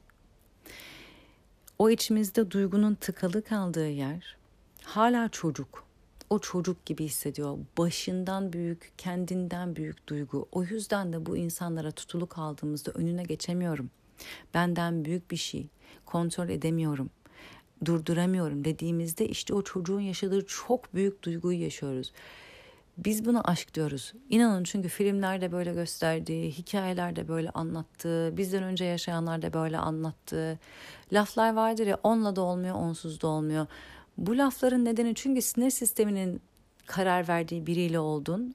O kişi aslında senin sinir sisteminde bir şey tetikliyor. O insanla olmuyor çünkü aslında tetikleniyorsun sen. Ama onsuz da olmuyor diyorsun çünkü şifanın da o insanda olduğunu zannediyorsun hala. Çünkü sana kısa süreli emzik e, rahatlaması veriyor. Onunla da olmuyor, onsuz da olmuyor. Bunların hepsi maalesef bu tür yaş almış çocuk olan diyeceğim. Yetişkin diyemiyorum onlara. Büyüklerin ilişkileri buralardan olmuş olduğu için bu tür söylemler çıktı ve bizler de bunlarla büyütüldüğümüz için böyle yaşanıyor, ilişki böyle bir şey ne yapalım artık diyerek geldik ve kabul ediyor insanlar. Boyun eğiyor. Ve inanın bana sorarsanız daha iyi değil, daha kötüye gidiyor o zaman. Çünkü travma dediğimiz şey, bu tür sinir sistemindeki tıkanıklıklar jenerasyondan jenerasyona aktarılıyor. O yüzden biz sadece kendi hayatımızdaki tıkanıklıkları yaşamıyoruz sadece. Bize aktarılmış olanları da yaşıyoruz. E her jenerasyon bir sonrakine aktarıyorsa akümülasyonla geliyor çözümlenmediği sürece akümüle ederek geliyor. O zaman ben sadece bendekileri yaşamıyorum. Anneminkileri de anneannemleri de annem benden daha az yaşıyor çünkü bendekiler yok onda ama ben ondakileri de yaşıyorum. O zaman aslında çözümlenmedikçe daha da fazlalaşıyor.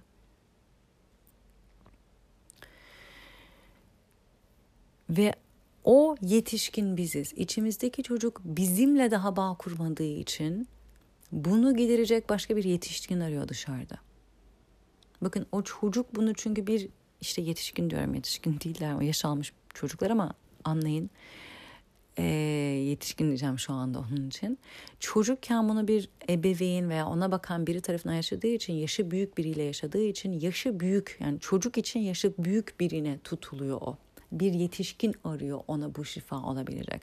O yetişkinin sen olduğunu anlamış durumda değil, daha senle bağ kurmuş durumda olmuyor. Ama eğer sen de zaten kendini donanımlamadıysan, sinir sistemini denginleştirecek şekilde yatıştırabilecek şekilde, çözüm olabilecek şekilde, ona olan tutabilecek şekilde yani annenin babanın sana yapamadığını sen kendine yapabilecek şekilde yetişkin olarak kendini yetiştirmen lazım ki içindeki çocuğun o sinir sisteminin dalgalanmaları, huzursuzlukları, rahatsızlıkları çıktığında dışarıya bakmasın onu gidermek için senle bağ kurabilsin. Ama ilk başta bunun sen olman gerekiyor ve ondan sonraki bu çocukla yani o rahatsızlık duygusuyla bağ kurmaya başlaman gerekiyor ki o çocuk bu rahatsızlık duygusunu gidermek için dışarıya bakmayı bıraksın ve sen ben varım. Ona ihtiyacım yok. Ben varım. Ben sana bunu sunabilirim diyebilecek yere gel. Bu mümkün. Benim hayatımdaki en büyük farkı yaratan şey bu oldu.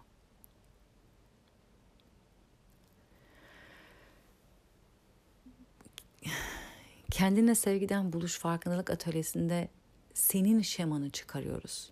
Çünkü sen, bu konuşmanın en başında başta anlattığım şey herkesin kendine özel şeması. Herkesin yaşadıkları kendine özel. Senin aslında kendine fark etmeden bıraktığın, yaşatmadığın, idrak etmediğin, yatsıdığın tarafların, kendi içinde olmaya çalıştığın ve olmaya çalışarak ilişki kurmaya çalıştığın yerler neler? Gerçek ihtiyaçları neler? İhtiyacın neymiş gibi davranıyorsun ayrı, gerçek ihtiyacın neler? Çünkü o gerçek ihtiyaçların seni yönetiyor ve dışarıyla olan ilişkilerini belirliyor. Ve sen o gerçek ihtiyaçlarını yatsıdığın için tamamen senin gölge tarafında kalmış durumda, kör noktanda görmüyorsun. O gerçek ihtiyaçların senin etrafında olan ilişkilerini aslında belirliyor. Ve sen niye neden çekim duyduğunu bile bilmeden çekim duyuyor oluyorsun. Neyin seni yatıştırmaya çalıştığını anlamaya çalışmadan o kişilere takılı kalıyorsun. Ve kendine neye ihtiyacı olduğunu anlamadığın için de kendine de bunu sunamıyorsun. İşte bu gölge tarafında kendi tarafın arasında ilişki kurmak diyebilirsin. Çocuk tarafında kendi tarafında, sinir sisteminle kendi. Ne olursa olsun orayla ilişkiyi bu şekilde kurmadan sinir sistemin senin adına kararlar veriyor ve sen sen seçim yapıyorum zannediyorsun veya hatta seçim bile yapmadığını söylüyorsun kendine ama önüne geçemiyorum diyorsun, kontrol edemiyorum diyorsun, baş edemiyorum diyorsun. Kısacası yönetiliyorsun ve seni yöneten yaralı çocuk. Bir tane ses kaydım var. Yarandan değil değerinden yaşa diye. Aylar önce çektiğim bir ses kaydı dinlemediyseniz onu da dinleyin. Şunu da söylemek istiyorum. Çekildiğimiz insanlar maalesef ve maalesef bendeki paternleri söyleyeceğim. Size sizdekileri bilmiyorum ama ya çok büyük dengesizlik içeren insanlar oluyor. Gitgelleri çok fazla, kararsızlıkları çok fazla, istiyorum istemiyorum. Başka şeyler de var ama onlara girmek istemiyorum artık biraz fazla özelime giriyor. Veya narsistler olduğunu fark ettim. Çünkü biraz önce anlattığım paternler bayağı narsistik bir patern. Maalesef bu narsist kelimesi çok yaygın ve çok kullanılıyor. O yüzden ben kullanmayı o kadar fazla sevmiyorum. Çok fazla insanları belki bu şekilde tanımlamak da uygun değil. Ama bazen bazı şeyleri tanımlamak, bazı şeyleri anlamak adına daha kolaylaştırıyor. O yüzden burada dile getirdim. Ama aslında davranış şekilleri o kişiye narsist demeden de tanımlamaya başlayabilirsin. Ee, dediğim gibi yani insanların da kendi ihtiyaçları oluyor ve ilgi, alaka veya senin özenin e, senin güler yüzünden beslenen insan çok olabiliyor. Ve bu insanlar senin ilgini alabilmek için sana başta çok iyi davranıyor olabiliyorlar. Çok tatlı, çok çekici. Bakın şeytan tüyü var deriz bazı insanlarda. Şeytan tüyü. Açıklayamadığın bir çekim vardır. Açıklayamadığın bir karizması vardır. Çok yakışıklı olan insan ayrıdır, çok güzel olan insan ayrıdır, çok tatlıdır, çok seksidir bir şeydir ama bitirine dersin şeytan tüyü var. O böyle anlamadığın bir şekilde kendini kaptırtır sana. İşte orada senin bir tarafına dokunuyor. Senin aslında ihmal edilmiş, görülmemiş, değersiz hissetmiş tarafına görülen, görülüyormuşsun gibi hissettiren o yanına konuşan, o yanına hitap eden ve onu nasıl yapacağını çok iyi bilen ve orayı kancaya takabilen bir varoluş olabiliyor insanların. Çünkü onların da ihtiyacı olan bir şey var. Senin ilgin, alakan, güler yüzün, sempatin, e, özenin. Onlar da oradan besleniyor. Ama maalesef bunu seni istismar ederek ve ilişkiye bir yatırım yapmadan yapabiliyorlar. Seni kendilerine bağlı tutarak aslında kendileri bir verip senden on alabiliyor. Bu bir ilişki değil aslında ama biz bunu bir ilişki gibi görüyoruz, zannediyoruz. Çünkü hiç kimseyle ilgilenmeyen bir insan bana bakıyor veya aslında kimse için hiçbir şey yapmıyor ama benim için şunu yaptı. biz bunu kendimize özel hissetmek zannediyoruz. Bize değer veriliyor zannediyoruz. Kimse için bir şey yapmıyor ama benim için şunu yaptığı bir ayrıcalık zannediyoruz. Hayır bu bizi kancada tutmak için yapmaya devam edilen bir şey oluyor aslında. Ve dediğim gibi bu tür insanlar her zaman böyle değiller aslında. Dönem dönem çok iyiler, alakalılar, ilgileniyorlar, belki dinliyorlar, şey yapıyorlar. Fakat öyle bir şey oluyor ki geri çekilmeye başlıyorlar işte. bir noktada veya daha az ilgi gösteriyorlar veya artık sana kancayı taktığını anladığı zaman seninle ilgisini alabildiği zaman sana yaptığı yatırım bir anda azalı veriyor. Ve belki sen bunu dile getiriyorsun. Ya niye beni aramıyorsun veya daha az konuşuyoruz artık veya daha az beni soruyorsun daha az zaman ayırıyorsun falan filan. Ve işte bir beden neden uyduruyorlar veya bahane uyduruyorlar veya bir şey söyleyerek senin sözlerini döndürüyorlar, çeviriyorlar. Onları bu şekilde kabul etmeni sağlayacak şekilde dile getirebiliyorlar. Eğer sen bir şekilde bunu kabul etmez ve hayır yani daha fazlasını bekliyorum dersen uzaklaşıyorlar. Benim kusura bakma yapamam, edemem. Belli ki yatırımı yapmıyorlar. Ve ilginç bir şekilde biz onların belki daha farklı davranmasını bekliyor olabiliyoruz ama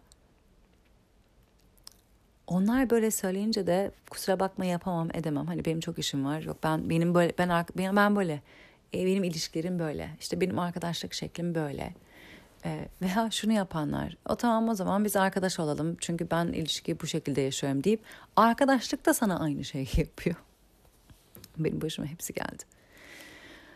E, bu sefer hani ilişkiden çıkıyor.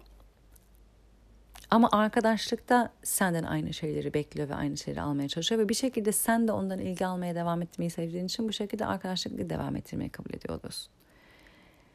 Karşındaki aslında sana devam ettiriyor. Veya sen yok artık ben böyle devam edemeyeceğim dediğinde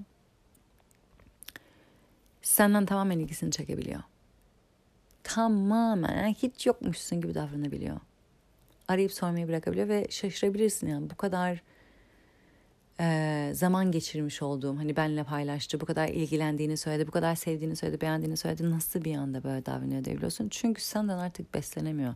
Çünkü artık sana belki yatırım yapması gerekiyor ilgi göstergesi gerekiyor ve bunu yapmayacak. O sadece senden beslenmek için oradaydı.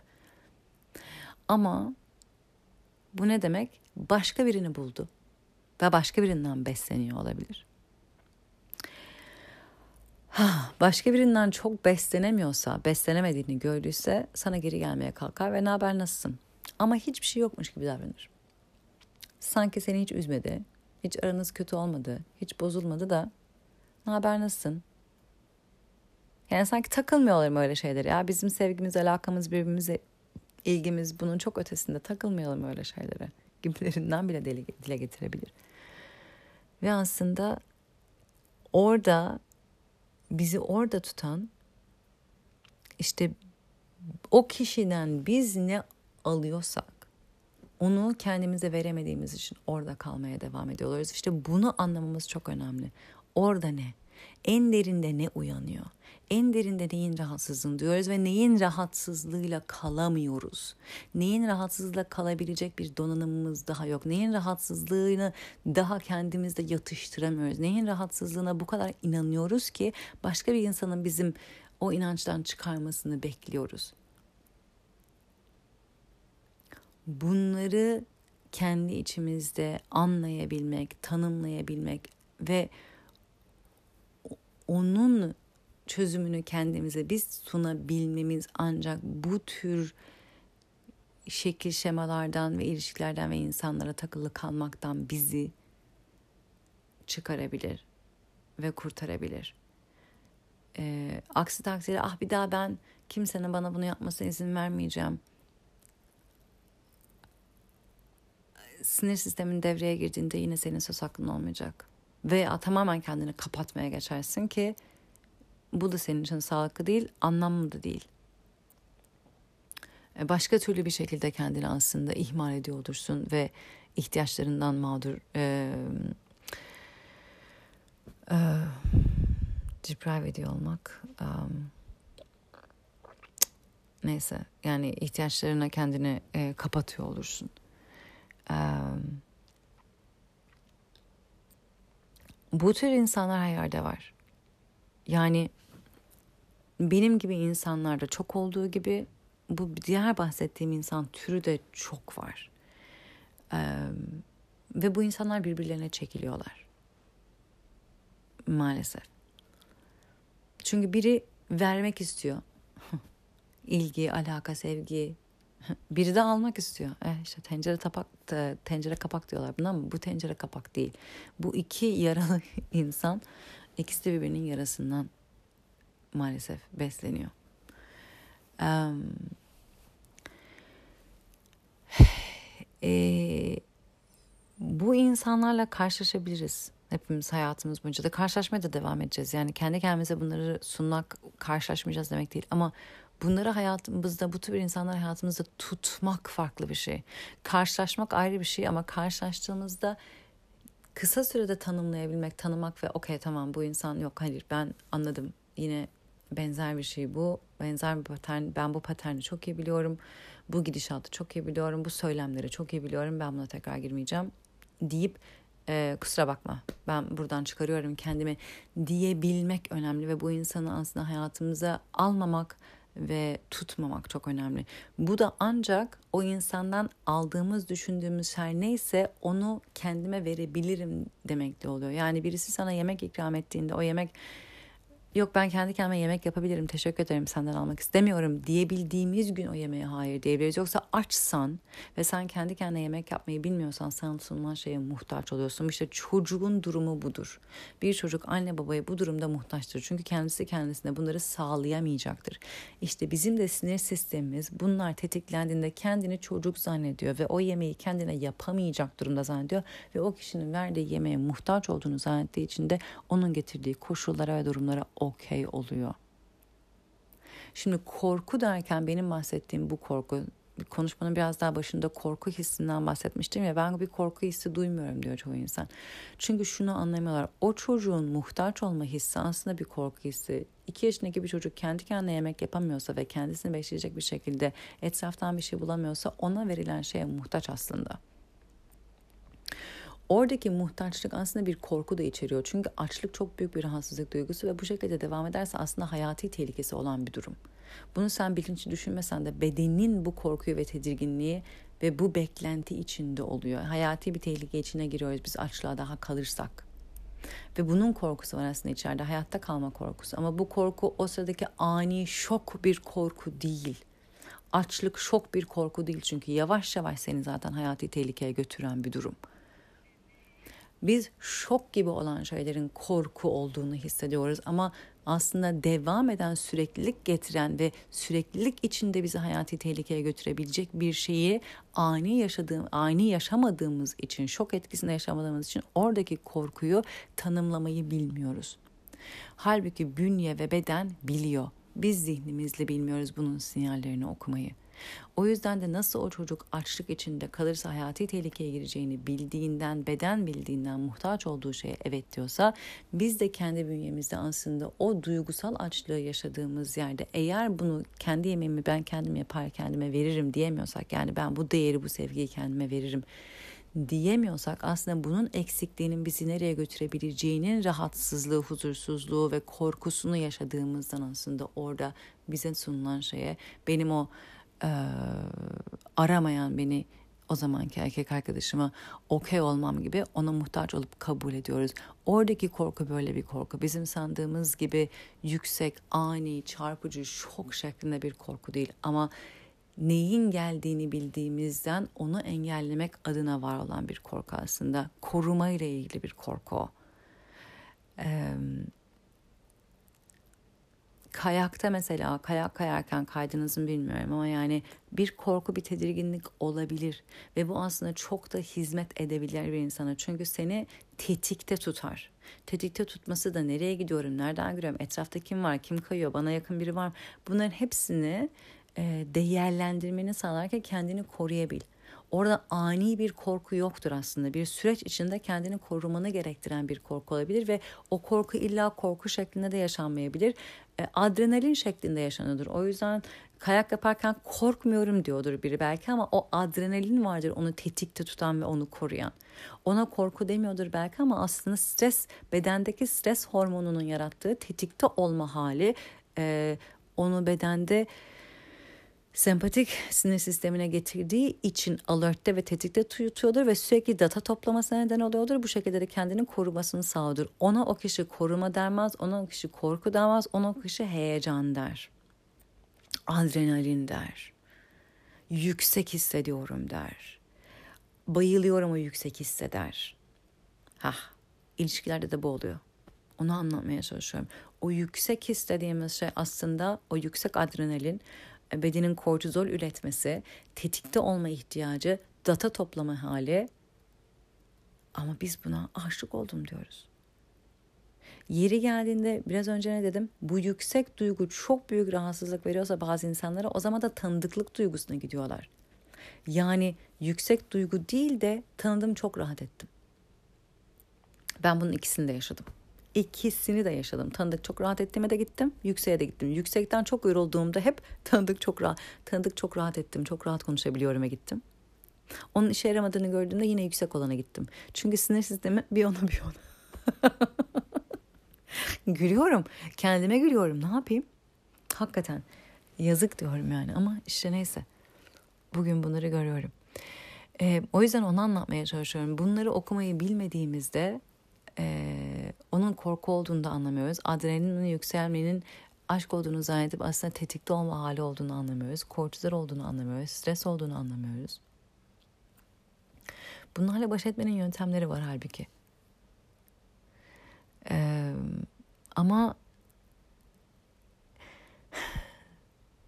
dediğim gibi yani içeride sürekli kendini şifalandırmak isteyen bir çocuk var ve sinir sistemi orada takılı kalmış olduğu yerlerde alamadığını almaya çalışan, o neye açlığı varsa onu gidermeye çalışan ve o açlık açlığı nasıl açıkladıysa kendine ben değersizim, ben önemsizim, ben gereksizim, ben sevilmem zaten nasıl açıkladıysa onu e, tersine çevirmeye ihtiyacı var ve sanki ona benzer birinden o o duyguyu yaşatmış olan o açlığı yaşatmış olan birine benzer bir şemadaki birinden bir şey alabilirse bir şekilde um, oradan farklı bir ilgi alabilirse bu inanç değişeceğini düşündüğü için açlığında gidebileceğini düşünüyor. Ee, bu bu duyguları karşımızda bize aynalık eden kişilerin şifayı tanıdığını düşünüyoruz, şifayı taşıdığını düşünüyoruz. Ee, işte orada zaten bu hani çekim duyuyorum, karşı konulmaz bir şey duyuyorum dediğimiz yerde oraya devreye giriyor.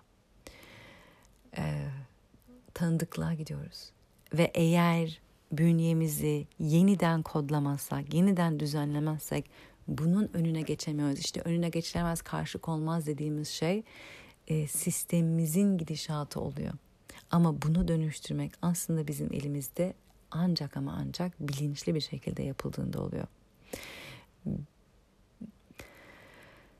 Ah ah. Ee,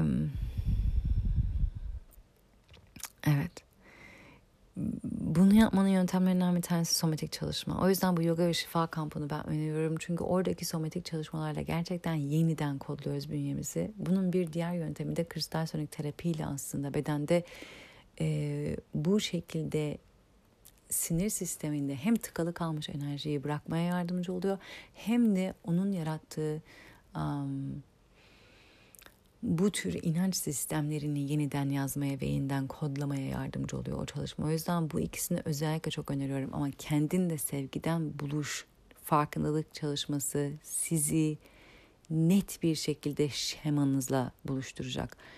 Bunları farkındalığa getirmek bence ilk adım. Ben öyle düşünüyorum. Çünkü neyi yeniden kodluyoruz, neyi yeniden yazıyoruz, hangi inancımızı yeniden değiştirmek istiyoruz, hangi inancımızla aslında uğraşıyoruz. Bunları bir tane çalışmayla belki de çözmek değil ama kör noktalarımız ve gölgelerimize bakmaya niyet etmeden çözmeye çalışmak gözü kapalı e, burada odanın köşelerinde nerelerde pislik var bilmiyorum ama ben bu odayı temizleyeceğim gözü kapalı burayı temizlemeye çalışmak gibi. Hangi köşelerinde pislik birikmiş, hangi köşelerinin temizlenmeye ihtiyacı var görüyorsun. Görmeni sağlayacak kendine sevgiden buluş farkındalık çalışması ve buraya sevgiyle gelmeni, şefkatle gelmeni sağlayacak. itmekle değil. Çünkü çoğu zaman elimizin tersiyle itmek istiyoruz bu tarafları.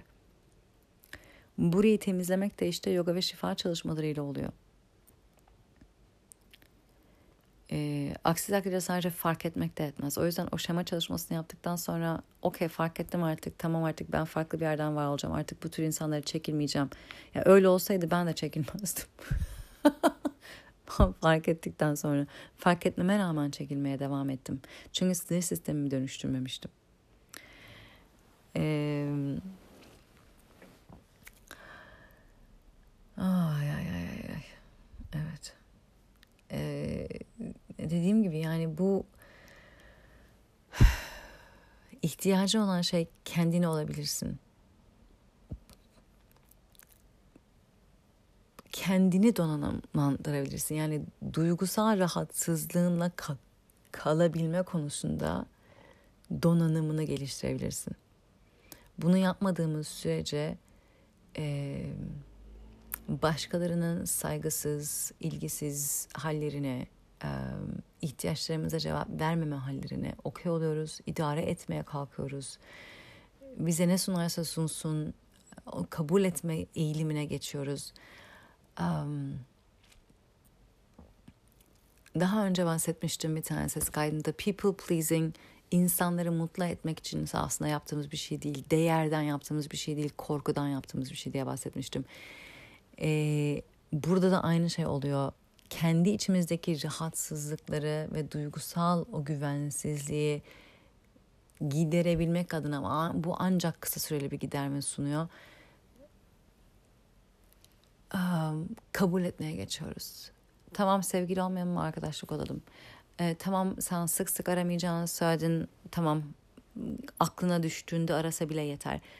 Konuştuğu süreyi kabul edip konuşmadığı ve ortadan kaybolduğu zamanları okey olmak. Zor zamanlarımızda yanımızda olmamalarını okey olmak. işleri çok var diye tam onların da işleri başına aşkın. Hep bu şekilde açıklamalara geçiyoruz. Ama bunun aslında hiçbirine gerek yok bunu yaptıkça biz kendimizden ve kendi ihtiyaçlarımızdan uzaklaşıyoruz. Biz kendimizi terk etmeye başlıyoruz. Bu tür davranışlar yapıldığında muhtemelen içeride aslında bir öfke oluşuyor. Ben kendi bunu fark ettim. Aslında kendimizdeki bu öfkeyi sağlıklı bir şekilde kucaklamak nerelerde sınırlarımızın ihlal edildiğini anlamamıza yardımcı oluyor. Sınırlarımızın ihlal edildiği yerler aslında bizim istismar edildiğimiz yerler ve muhtemelen aslında canımın, canımızın acıtıldığı yerler. Değersiz hissettirildiğimiz yerler. Görülmediğimizi hissettirdiğimiz yerler, duyulmadığımızı hissettirildiğimiz yerler, canımızın acıdığı yerler. Sınırlarımızın ihlal edilmesi muhtemelen can acıtmasını gösteriyor. Yani oradaki öfke aslında bir üzüntümüzü de e, gösteriyor. Ama çoğu yerde bazı insanlar üzüntüde takılı kalabiliyor. Üzüldüm, ama sen aynı zamanda da kızdın. Ama kızmak bize çoğu zaman izin verilen bir his, his olmuyor. Çocukken çünkü kızgınlık genelde tantrum gibi gösterili, gözüküyor veya um, sınırını aşmak veya dengesiz olmak. Halbuki aslında çocukken de görmezden geldiğimizi hissettiğimiz, sınırlarımızın ihlal edildiğini hissettiğimiz oluyor ve orada kızgınlık aslında çok yerinde bir duygu. Ama maalesef çocuklara sanki kızgınlık yakışmazmış gibi e, davranılıyor.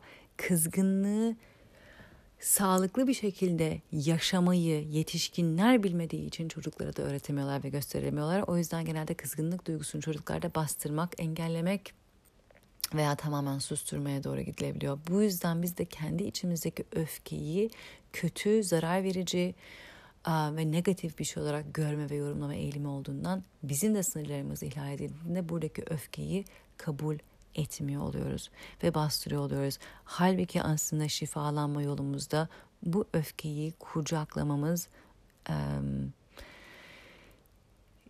kendi sınırlarımızı korumamız adına, bunların ne olduğunu anlamamız adına ve kendimize olan saygımızı ve değerimizi konmamız ve karşımızdaki insanlardan da bunu talep etmemiz adına çok önemli bir rol oynuyor.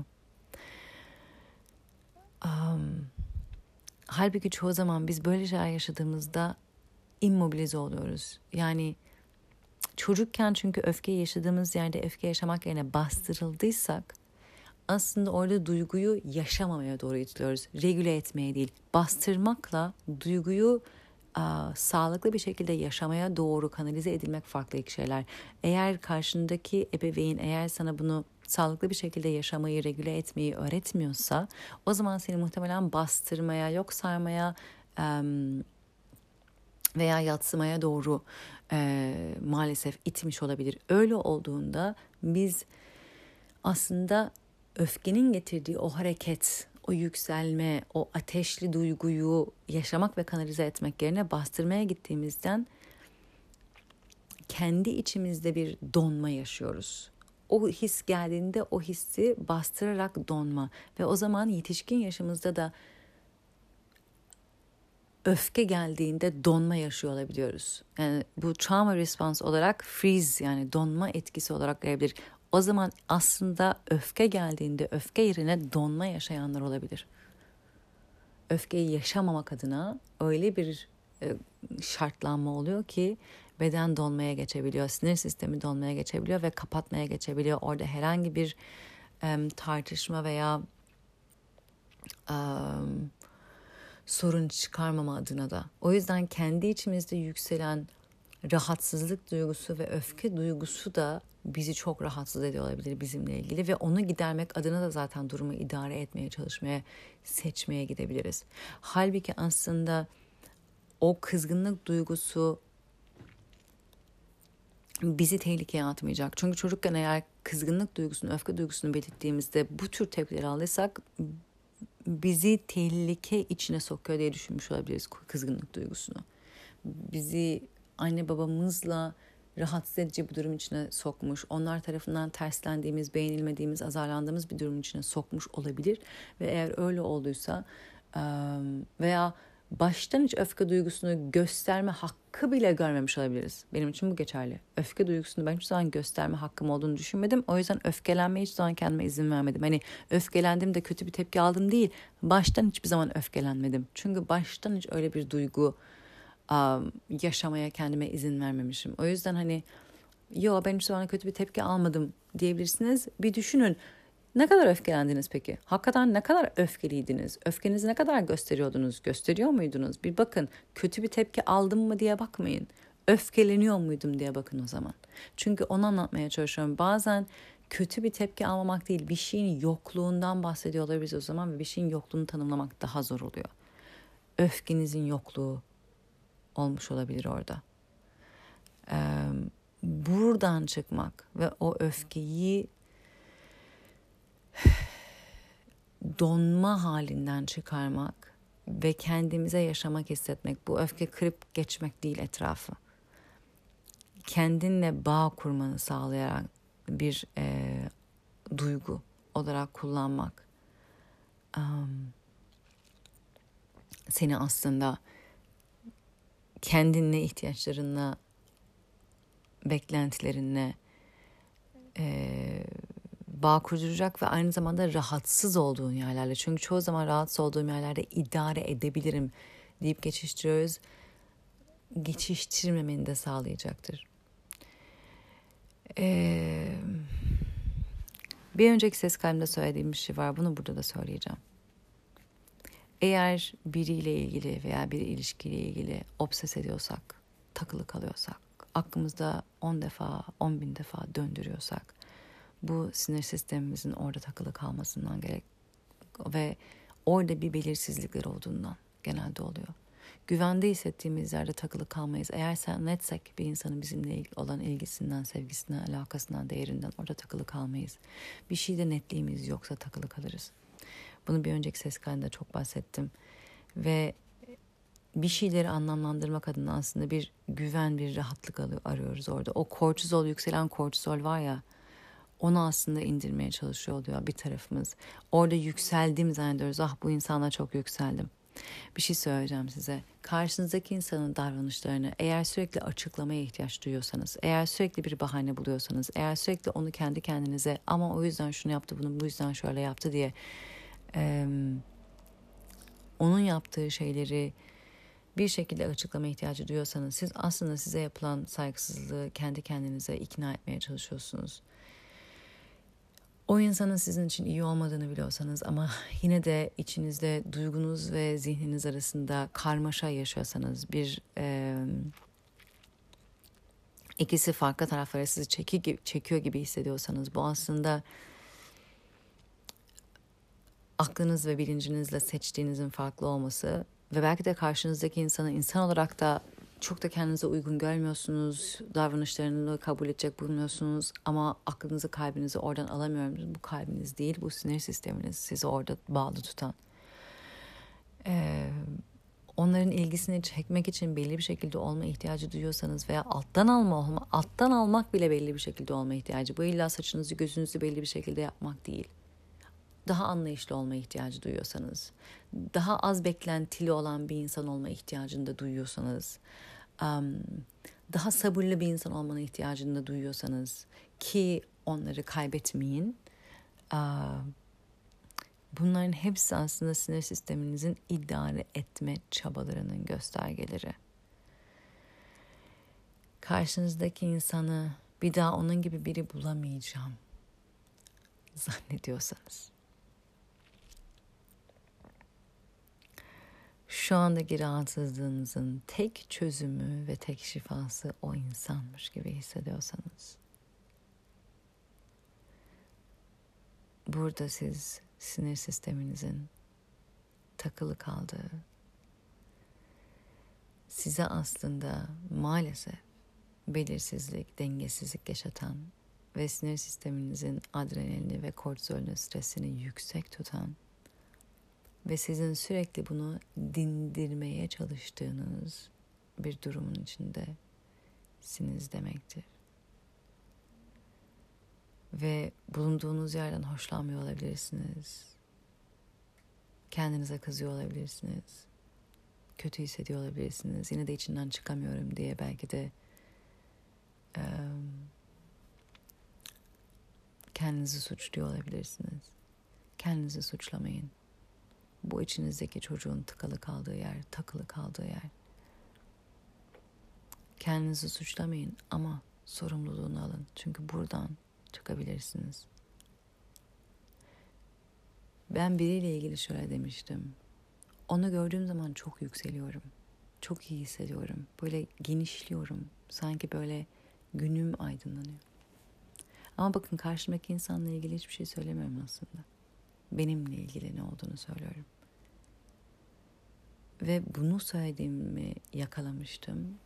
Ve karşımdaki insanın aslında benimle uygun olmadığını, yaşam tarzının, yaşam biçiminin, bakış açılarının çok görüyordum. Çok rahat görüyordum. Ama ne zaman onu görsem böyle hissetsem, böyle hissediyorum, karşı koyamıyorum diyordum. Ve yakaladım kendimi.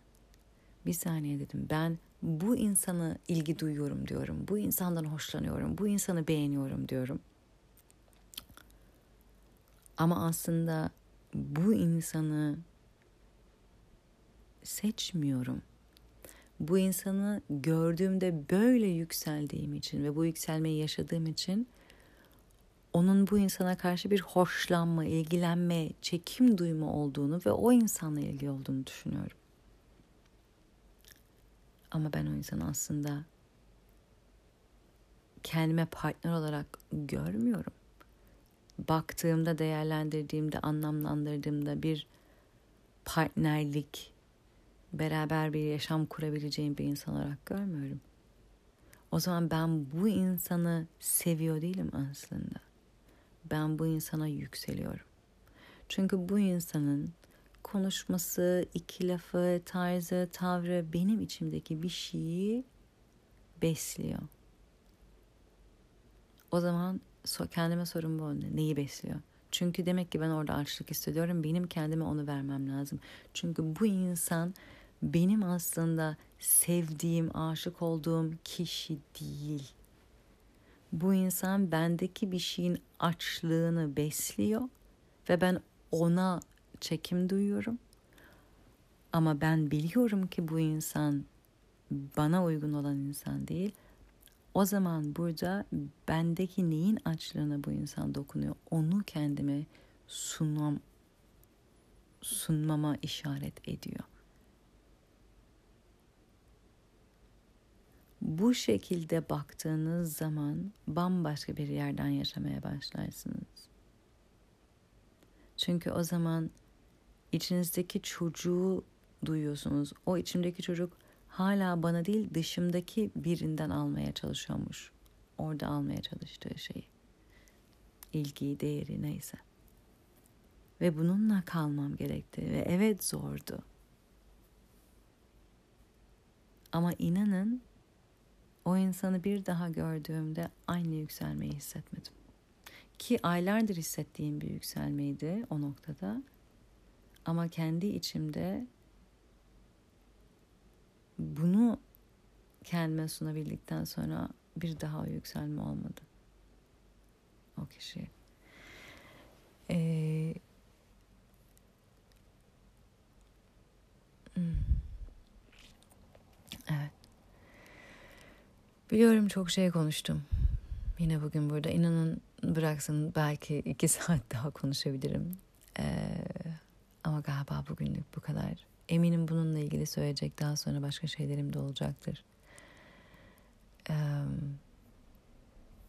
ama artık onlar da başka zamana.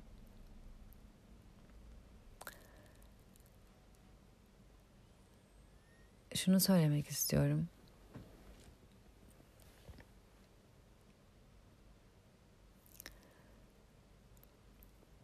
bir insana duyduğumuz ilgi o insana hakikaten o insana duyduğumuz ilgi mi? O insanla bulduğumuz hisse duyduğumuz ilgi mi? Bir insana duyduğumuz bağ o insana duyduğumuz bağ mı? O insanla beraber kendi içimizde duyduğumuz bir hisse ve o hisse duyduğumuz özlem yüzünden ona duyduğumuz bir bağ mı? Maalesef burada birçok şey bilincimizde olmadığından gerçekten o kişiye bir bağlılık ve bağımlılık gibi hissediyoruz bunu. Ee, ve o kişi içimizdeki rahatsızlığın tek şifası ve tek çözümü gibi geliyor. Ee, şunu söylemek istiyorum ki o içinizdeki rahatsızlık, huzursuzluk veya sevgisizlik, değersizlik ne hissediyorsanız onun tek çözümü ve tek şifası sizsiniz. Sensin. Ve aslında ki içindeki çocuğun aradığı sensin. Kendi çocukken ona olamayan ebeveyni arıyor. Ve onu dışarıda değil, sen kendine olduğun zaman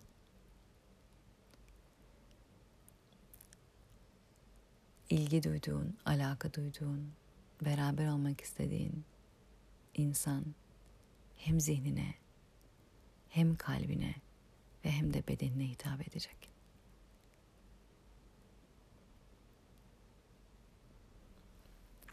Ve bunu kendine vermen, sağlaman mümkün.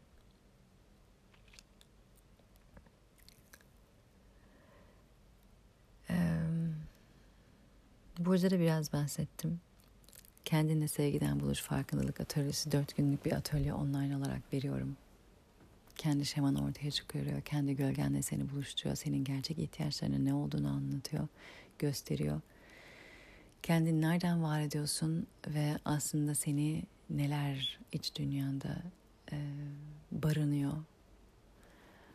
Bunları buluştururken gerçekten sevgi ve şefkatle buluşmanı sağlıyor seni seninle buluşturuyor ve sevgiden buluşturuyor. Ve bu buluşma senin tüm ilişkilerini ve iletişim kurma şeklini değiştiriyor ve dönüştürüyor. 14-17 ee, Mart'ta Yoga ve Ayurveda kampı kuruyorum. Yoga ve Ayurveda bütünsel bir şekilde seni alıyor aslında. Senin yapını, hayata ele alışını, yaşama ele alışını, günlük hayatı nasıl yaşadığından, ilişkilerini nasıl yaşadığından, hayatta işini nasıl seçtiğinden, e, nasıl yönettiğinden, sana neyin iyi geldiğinden, neyin seninle hizalı olduğundan bütün bunları anlamanı sağlıyor. Yoga pratiğini anladığın kendi doşanı, dengeden çıkmış doşanı dengeleyecek şekilde bir şifa pratiği olarak yapmanı e, öğretiyorum. Ve kendini hem zihinsel hem ruhsal hem bedensel hem duygusal dengeleyecek şekilde yaşamak ve bu tür yaşamı kendine nasıl sağlayabileceğin, hem yediklerinle, hem yaptıklarınla, hem alışkanlıklarınla, hem düşüncelerinle bunu nasıl sağlayabileceğini orada öğretiyorum, gösteriyorum, paylaşıyorum. Ee, yoga ve Şifa kampı Mayıs ayında 5 günlük bir kamp Antalya'da sunuyorum bunu. Bu kampta yoga, meditasyon, somatik terapi ve e, kristal çanaklarla ses şifa seansları yapıyoruz. Ee, burası sinir sistemini anlaman ve yeniden kodlaman için en iyi imkan ve olanak bedenin dilini anlıyorsun. Bedenin seninle konuştuğunda neleri söylemeye çalıştığını anlıyorsun. Takip edebiliyorsun ve regüle etmeyi öğreniyorsun burada. Bize çocukken öğretilmeyen ve bizim dahi bilmediğimizi bilmediğimiz bir şey bu. Bedenimizin sürekli bizimle iletişim halinde olduğunu, bize mesajlar verdiğini, e, bilmiyoruz, farkında değiliz, anlamıyoruz, nasıl yorumlayacağımızı bilmiyoruz ve yorumladığımız şeyleri bile nasıl dengeleyeceğimizi veya regüle edeceğimizi veya e, kendimizi tekrardan sakinleştirebileceğimizi bilmiyoruz. Stres hayatın bir parçası, adrenalin, kortizol hayatın bir parçası. Fakat oraya girebildiğimiz kadar oradan kolay çıkabilmemiz aslında gerekiyor. Fakat biz bunu yapamıyoruz. Ee, ve contraction and expansion yani sıkışma ve ondan sonra genişleme aslında arka arkaya birbirini takip ederek gelen şeylerdir. Fakat biz contract ettiğimiz, sıkıştığımız yerlerde kalıyoruz ve oradan yaşıyoruz. Ve o sıkıştığımız yerde kaldıkça da maalesef bu bizi kronik rahatsızlıklara, hastalıklara götürüyor. O çalışmaya gelen biri dedi ki ben kronik baş ağrılarımın neden olduğunu anladım. Ee, Ayurveda'da da kronik olan bir şey varsa zaten bir ağrı varsa mesela vata problemidir. Yani o yüzden eğer bu tür kronik devam eden şeyleriniz varsa veya rahatsızlıklarınız varsa anlamak istiyorsanız sadece sinir sistemde değil Ayurveda'yı da öğrenirim. Ayurveda gerçekten çok temelinden bunları gösteriyor. Ne olduğunu. Ee, öbür taraftan somatikte sinir sistemi açısından anlayacağız birçok şeyi regüle etmeyi öğreniyor olacaksınız ve bedeninizin sinyallerini tanımayı öğreneceksiniz. Sinir sisteminiz yeniden, yeniden gerçekten yazılacak orada. Oraya gelen insanlar şöyle söyleyeyim size son gün bitiriyorum ve en son bana dediler ki keşke bir gün daha olsaydı kamp. Niye dedim?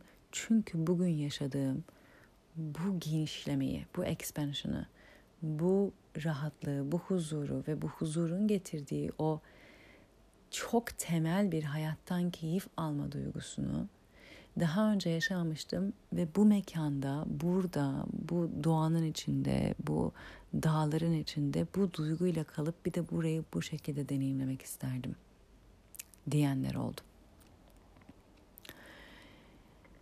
Sizi daha önce deneyimlemediğiniz bir yere götürüyor kendi bünyenizde, kendi varoluşunuzda, tanımadığınız bir genişliğe, rahatlığa, tanımadığınız bir açıklığa.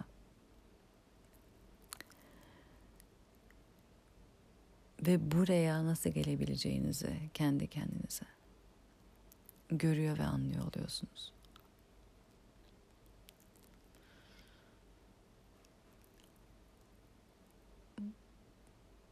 Orada o beş gün içinde de zaten bu dönüşüm oluyor. Şöyle söyleyeyim, daha ilk gün kampa geldiğinde yoga dersinde yapamadığını üç gün sonra yapanlar vardı. Çok çok bacaklarının arkası kapalı olan biri ayaklarının parmaklarından tutabildi. Baş üstünde dur, duruşunda duramayan biri çünkü çok fazla anksiyetesinden sallanıyordu. Stabil bir şekilde çok rahat durabildi. Çünkü anksiyete bizi kapatıyor. Anksiyeteden tutunduğu için kapalıydı o kişinin bacaklarının arkası. O kişi rahatladıkça rahatladıkça sinir sistemi kendini güvende hissettikçe üçüncü günün sonunda esnedi. Bazı insanlar buna inanamıyor. Sihir miydi diyor, nasıl diyorlar anlayamıyorum diyor diyorum beden bir bütün. Sinir sistemi kendini güvende tutmak adına o hep hazır olda tetikte bekliyor. O yüzden de katılaşmış o contraction sıkışmış yerinde bekliyor. Hep bir şeyle mücadele etmeye hazır bekliyor. Güvende hissettiği yerde bunu bırakabiliyor ve açılma orada oluyor. Öbür taraftan başüstü duruşunda düşeceğim korkusundan dolayı aslında hali hazırda gücü yerinde, yapabilme gücü yerinde fakat o gücü kullanamıyor. Çünkü anksiyetesi panik halinde olduğundan o güce engel oluyor ve onu orada dengesiz olmasını sağlıyor. Düşecek gibi hissettiğinden de iyice panik olup benim onu tutmamı istiyordu. Son gün kendisi yaptı. Bakın üç pratik yaptık. Dördüncüsünde kendisi pat diye kaldı durdu ve çok stabil, çok rahattı. Çünkü anksiyetesi yoktu. Öyle olduğunda kendine bedenine güveni yerinde, gücüne güveni yerinde ve zihnini dolduran ve onu e, korkunun getirdiği tetikte olma halindeyse kendi bedenine ve kendine güvendiği yerde kendi gücünü kullanabilecek potansiyelini açtı. Çünkü şöyle bir şey var. Tetikte olma yeri bizi survival'da tutar. Hayatta kalma çabasında tutar. Burası bizim gerçek potansiyelimizi kullanabileceğimiz yer değildir. Bu bizim hayatta kalmayı devam ettirebileceğimiz yerdir. Öyle bir yerde de aslında ne gücümüzün ne potansiyelimizin tamamını kullanmıyor oluyoruz. Bizi hayatta tutabilecek kadarına izin veriyoruz. Çünkü bedenin geri kalanı shutdown etmiş oluyor. Kapanmış oluyor. Ve sürekli tetikte olan insan hayatta kalma çabasında sürekli etrafı tarayıp aslında kendini e, ona göre konumlandırmaya çalışıyor oluyor. Bunu bıraktığı zaman kişi var olan kendi potansiyeli ve kendi gücüne aslında ulaşabiliyor. Anksiyete veya kendini sürekli bir şey konuş ko, ko, korumaya ihtiyacı duymadığı yerden de merkezinde sükunet ve dinginlikle kalabiliyor. Ve burada olduğunda da gücünün tamamını, potansiyelinin tamamını bu dinginlikten, kendi merkezinden kullanmaya geçebiliyor. Bunu matın üzerinde çok rahat gördüm. Anksiyete o kişinin kendi potansiyelini kullanmasını engelliyordu. Kendini sabote etmesine neden oluyordu. Biz hayatın çoğu alanında işiniz olsun, partnerlik olsun, ilişkiler olsun maalesef kendi kendimizi sabote ediyor olabiliriz. Kendimizi koruma çabamızdan farkında olmadan. Başka bir varoluş mümkün. Ee, bu çalışmalara katılmak istiyorsanız sedaerkman.com'dan web sayfamdan daha detaylı bilgi alabilirsiniz.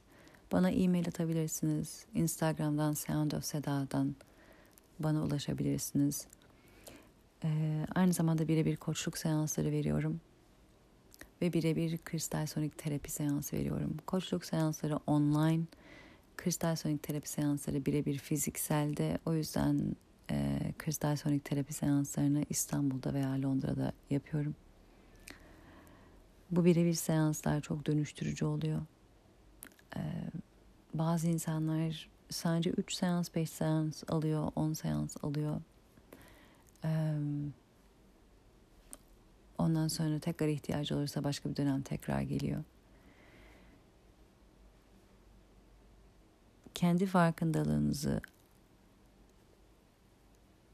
derine taşımak istiyorsanız, gerçek anlamda bir dönüşüm yaşamak istiyorsanız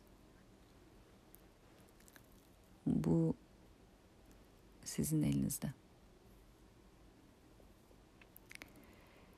Kendi hayatınızda seçim yapan olmak istiyorsanız sinir sisteminiz tarafından yönetilmek yerine o zaman o seçimi yapacak kişi olabilecek donanımı kendinize sağlamak sizin elinizde. Umarım kendinizi seçtiğiniz, sevgiden var olmayı seçtiğiniz günlerde birlikte görüşmek üzere. Sevgiyle kalın.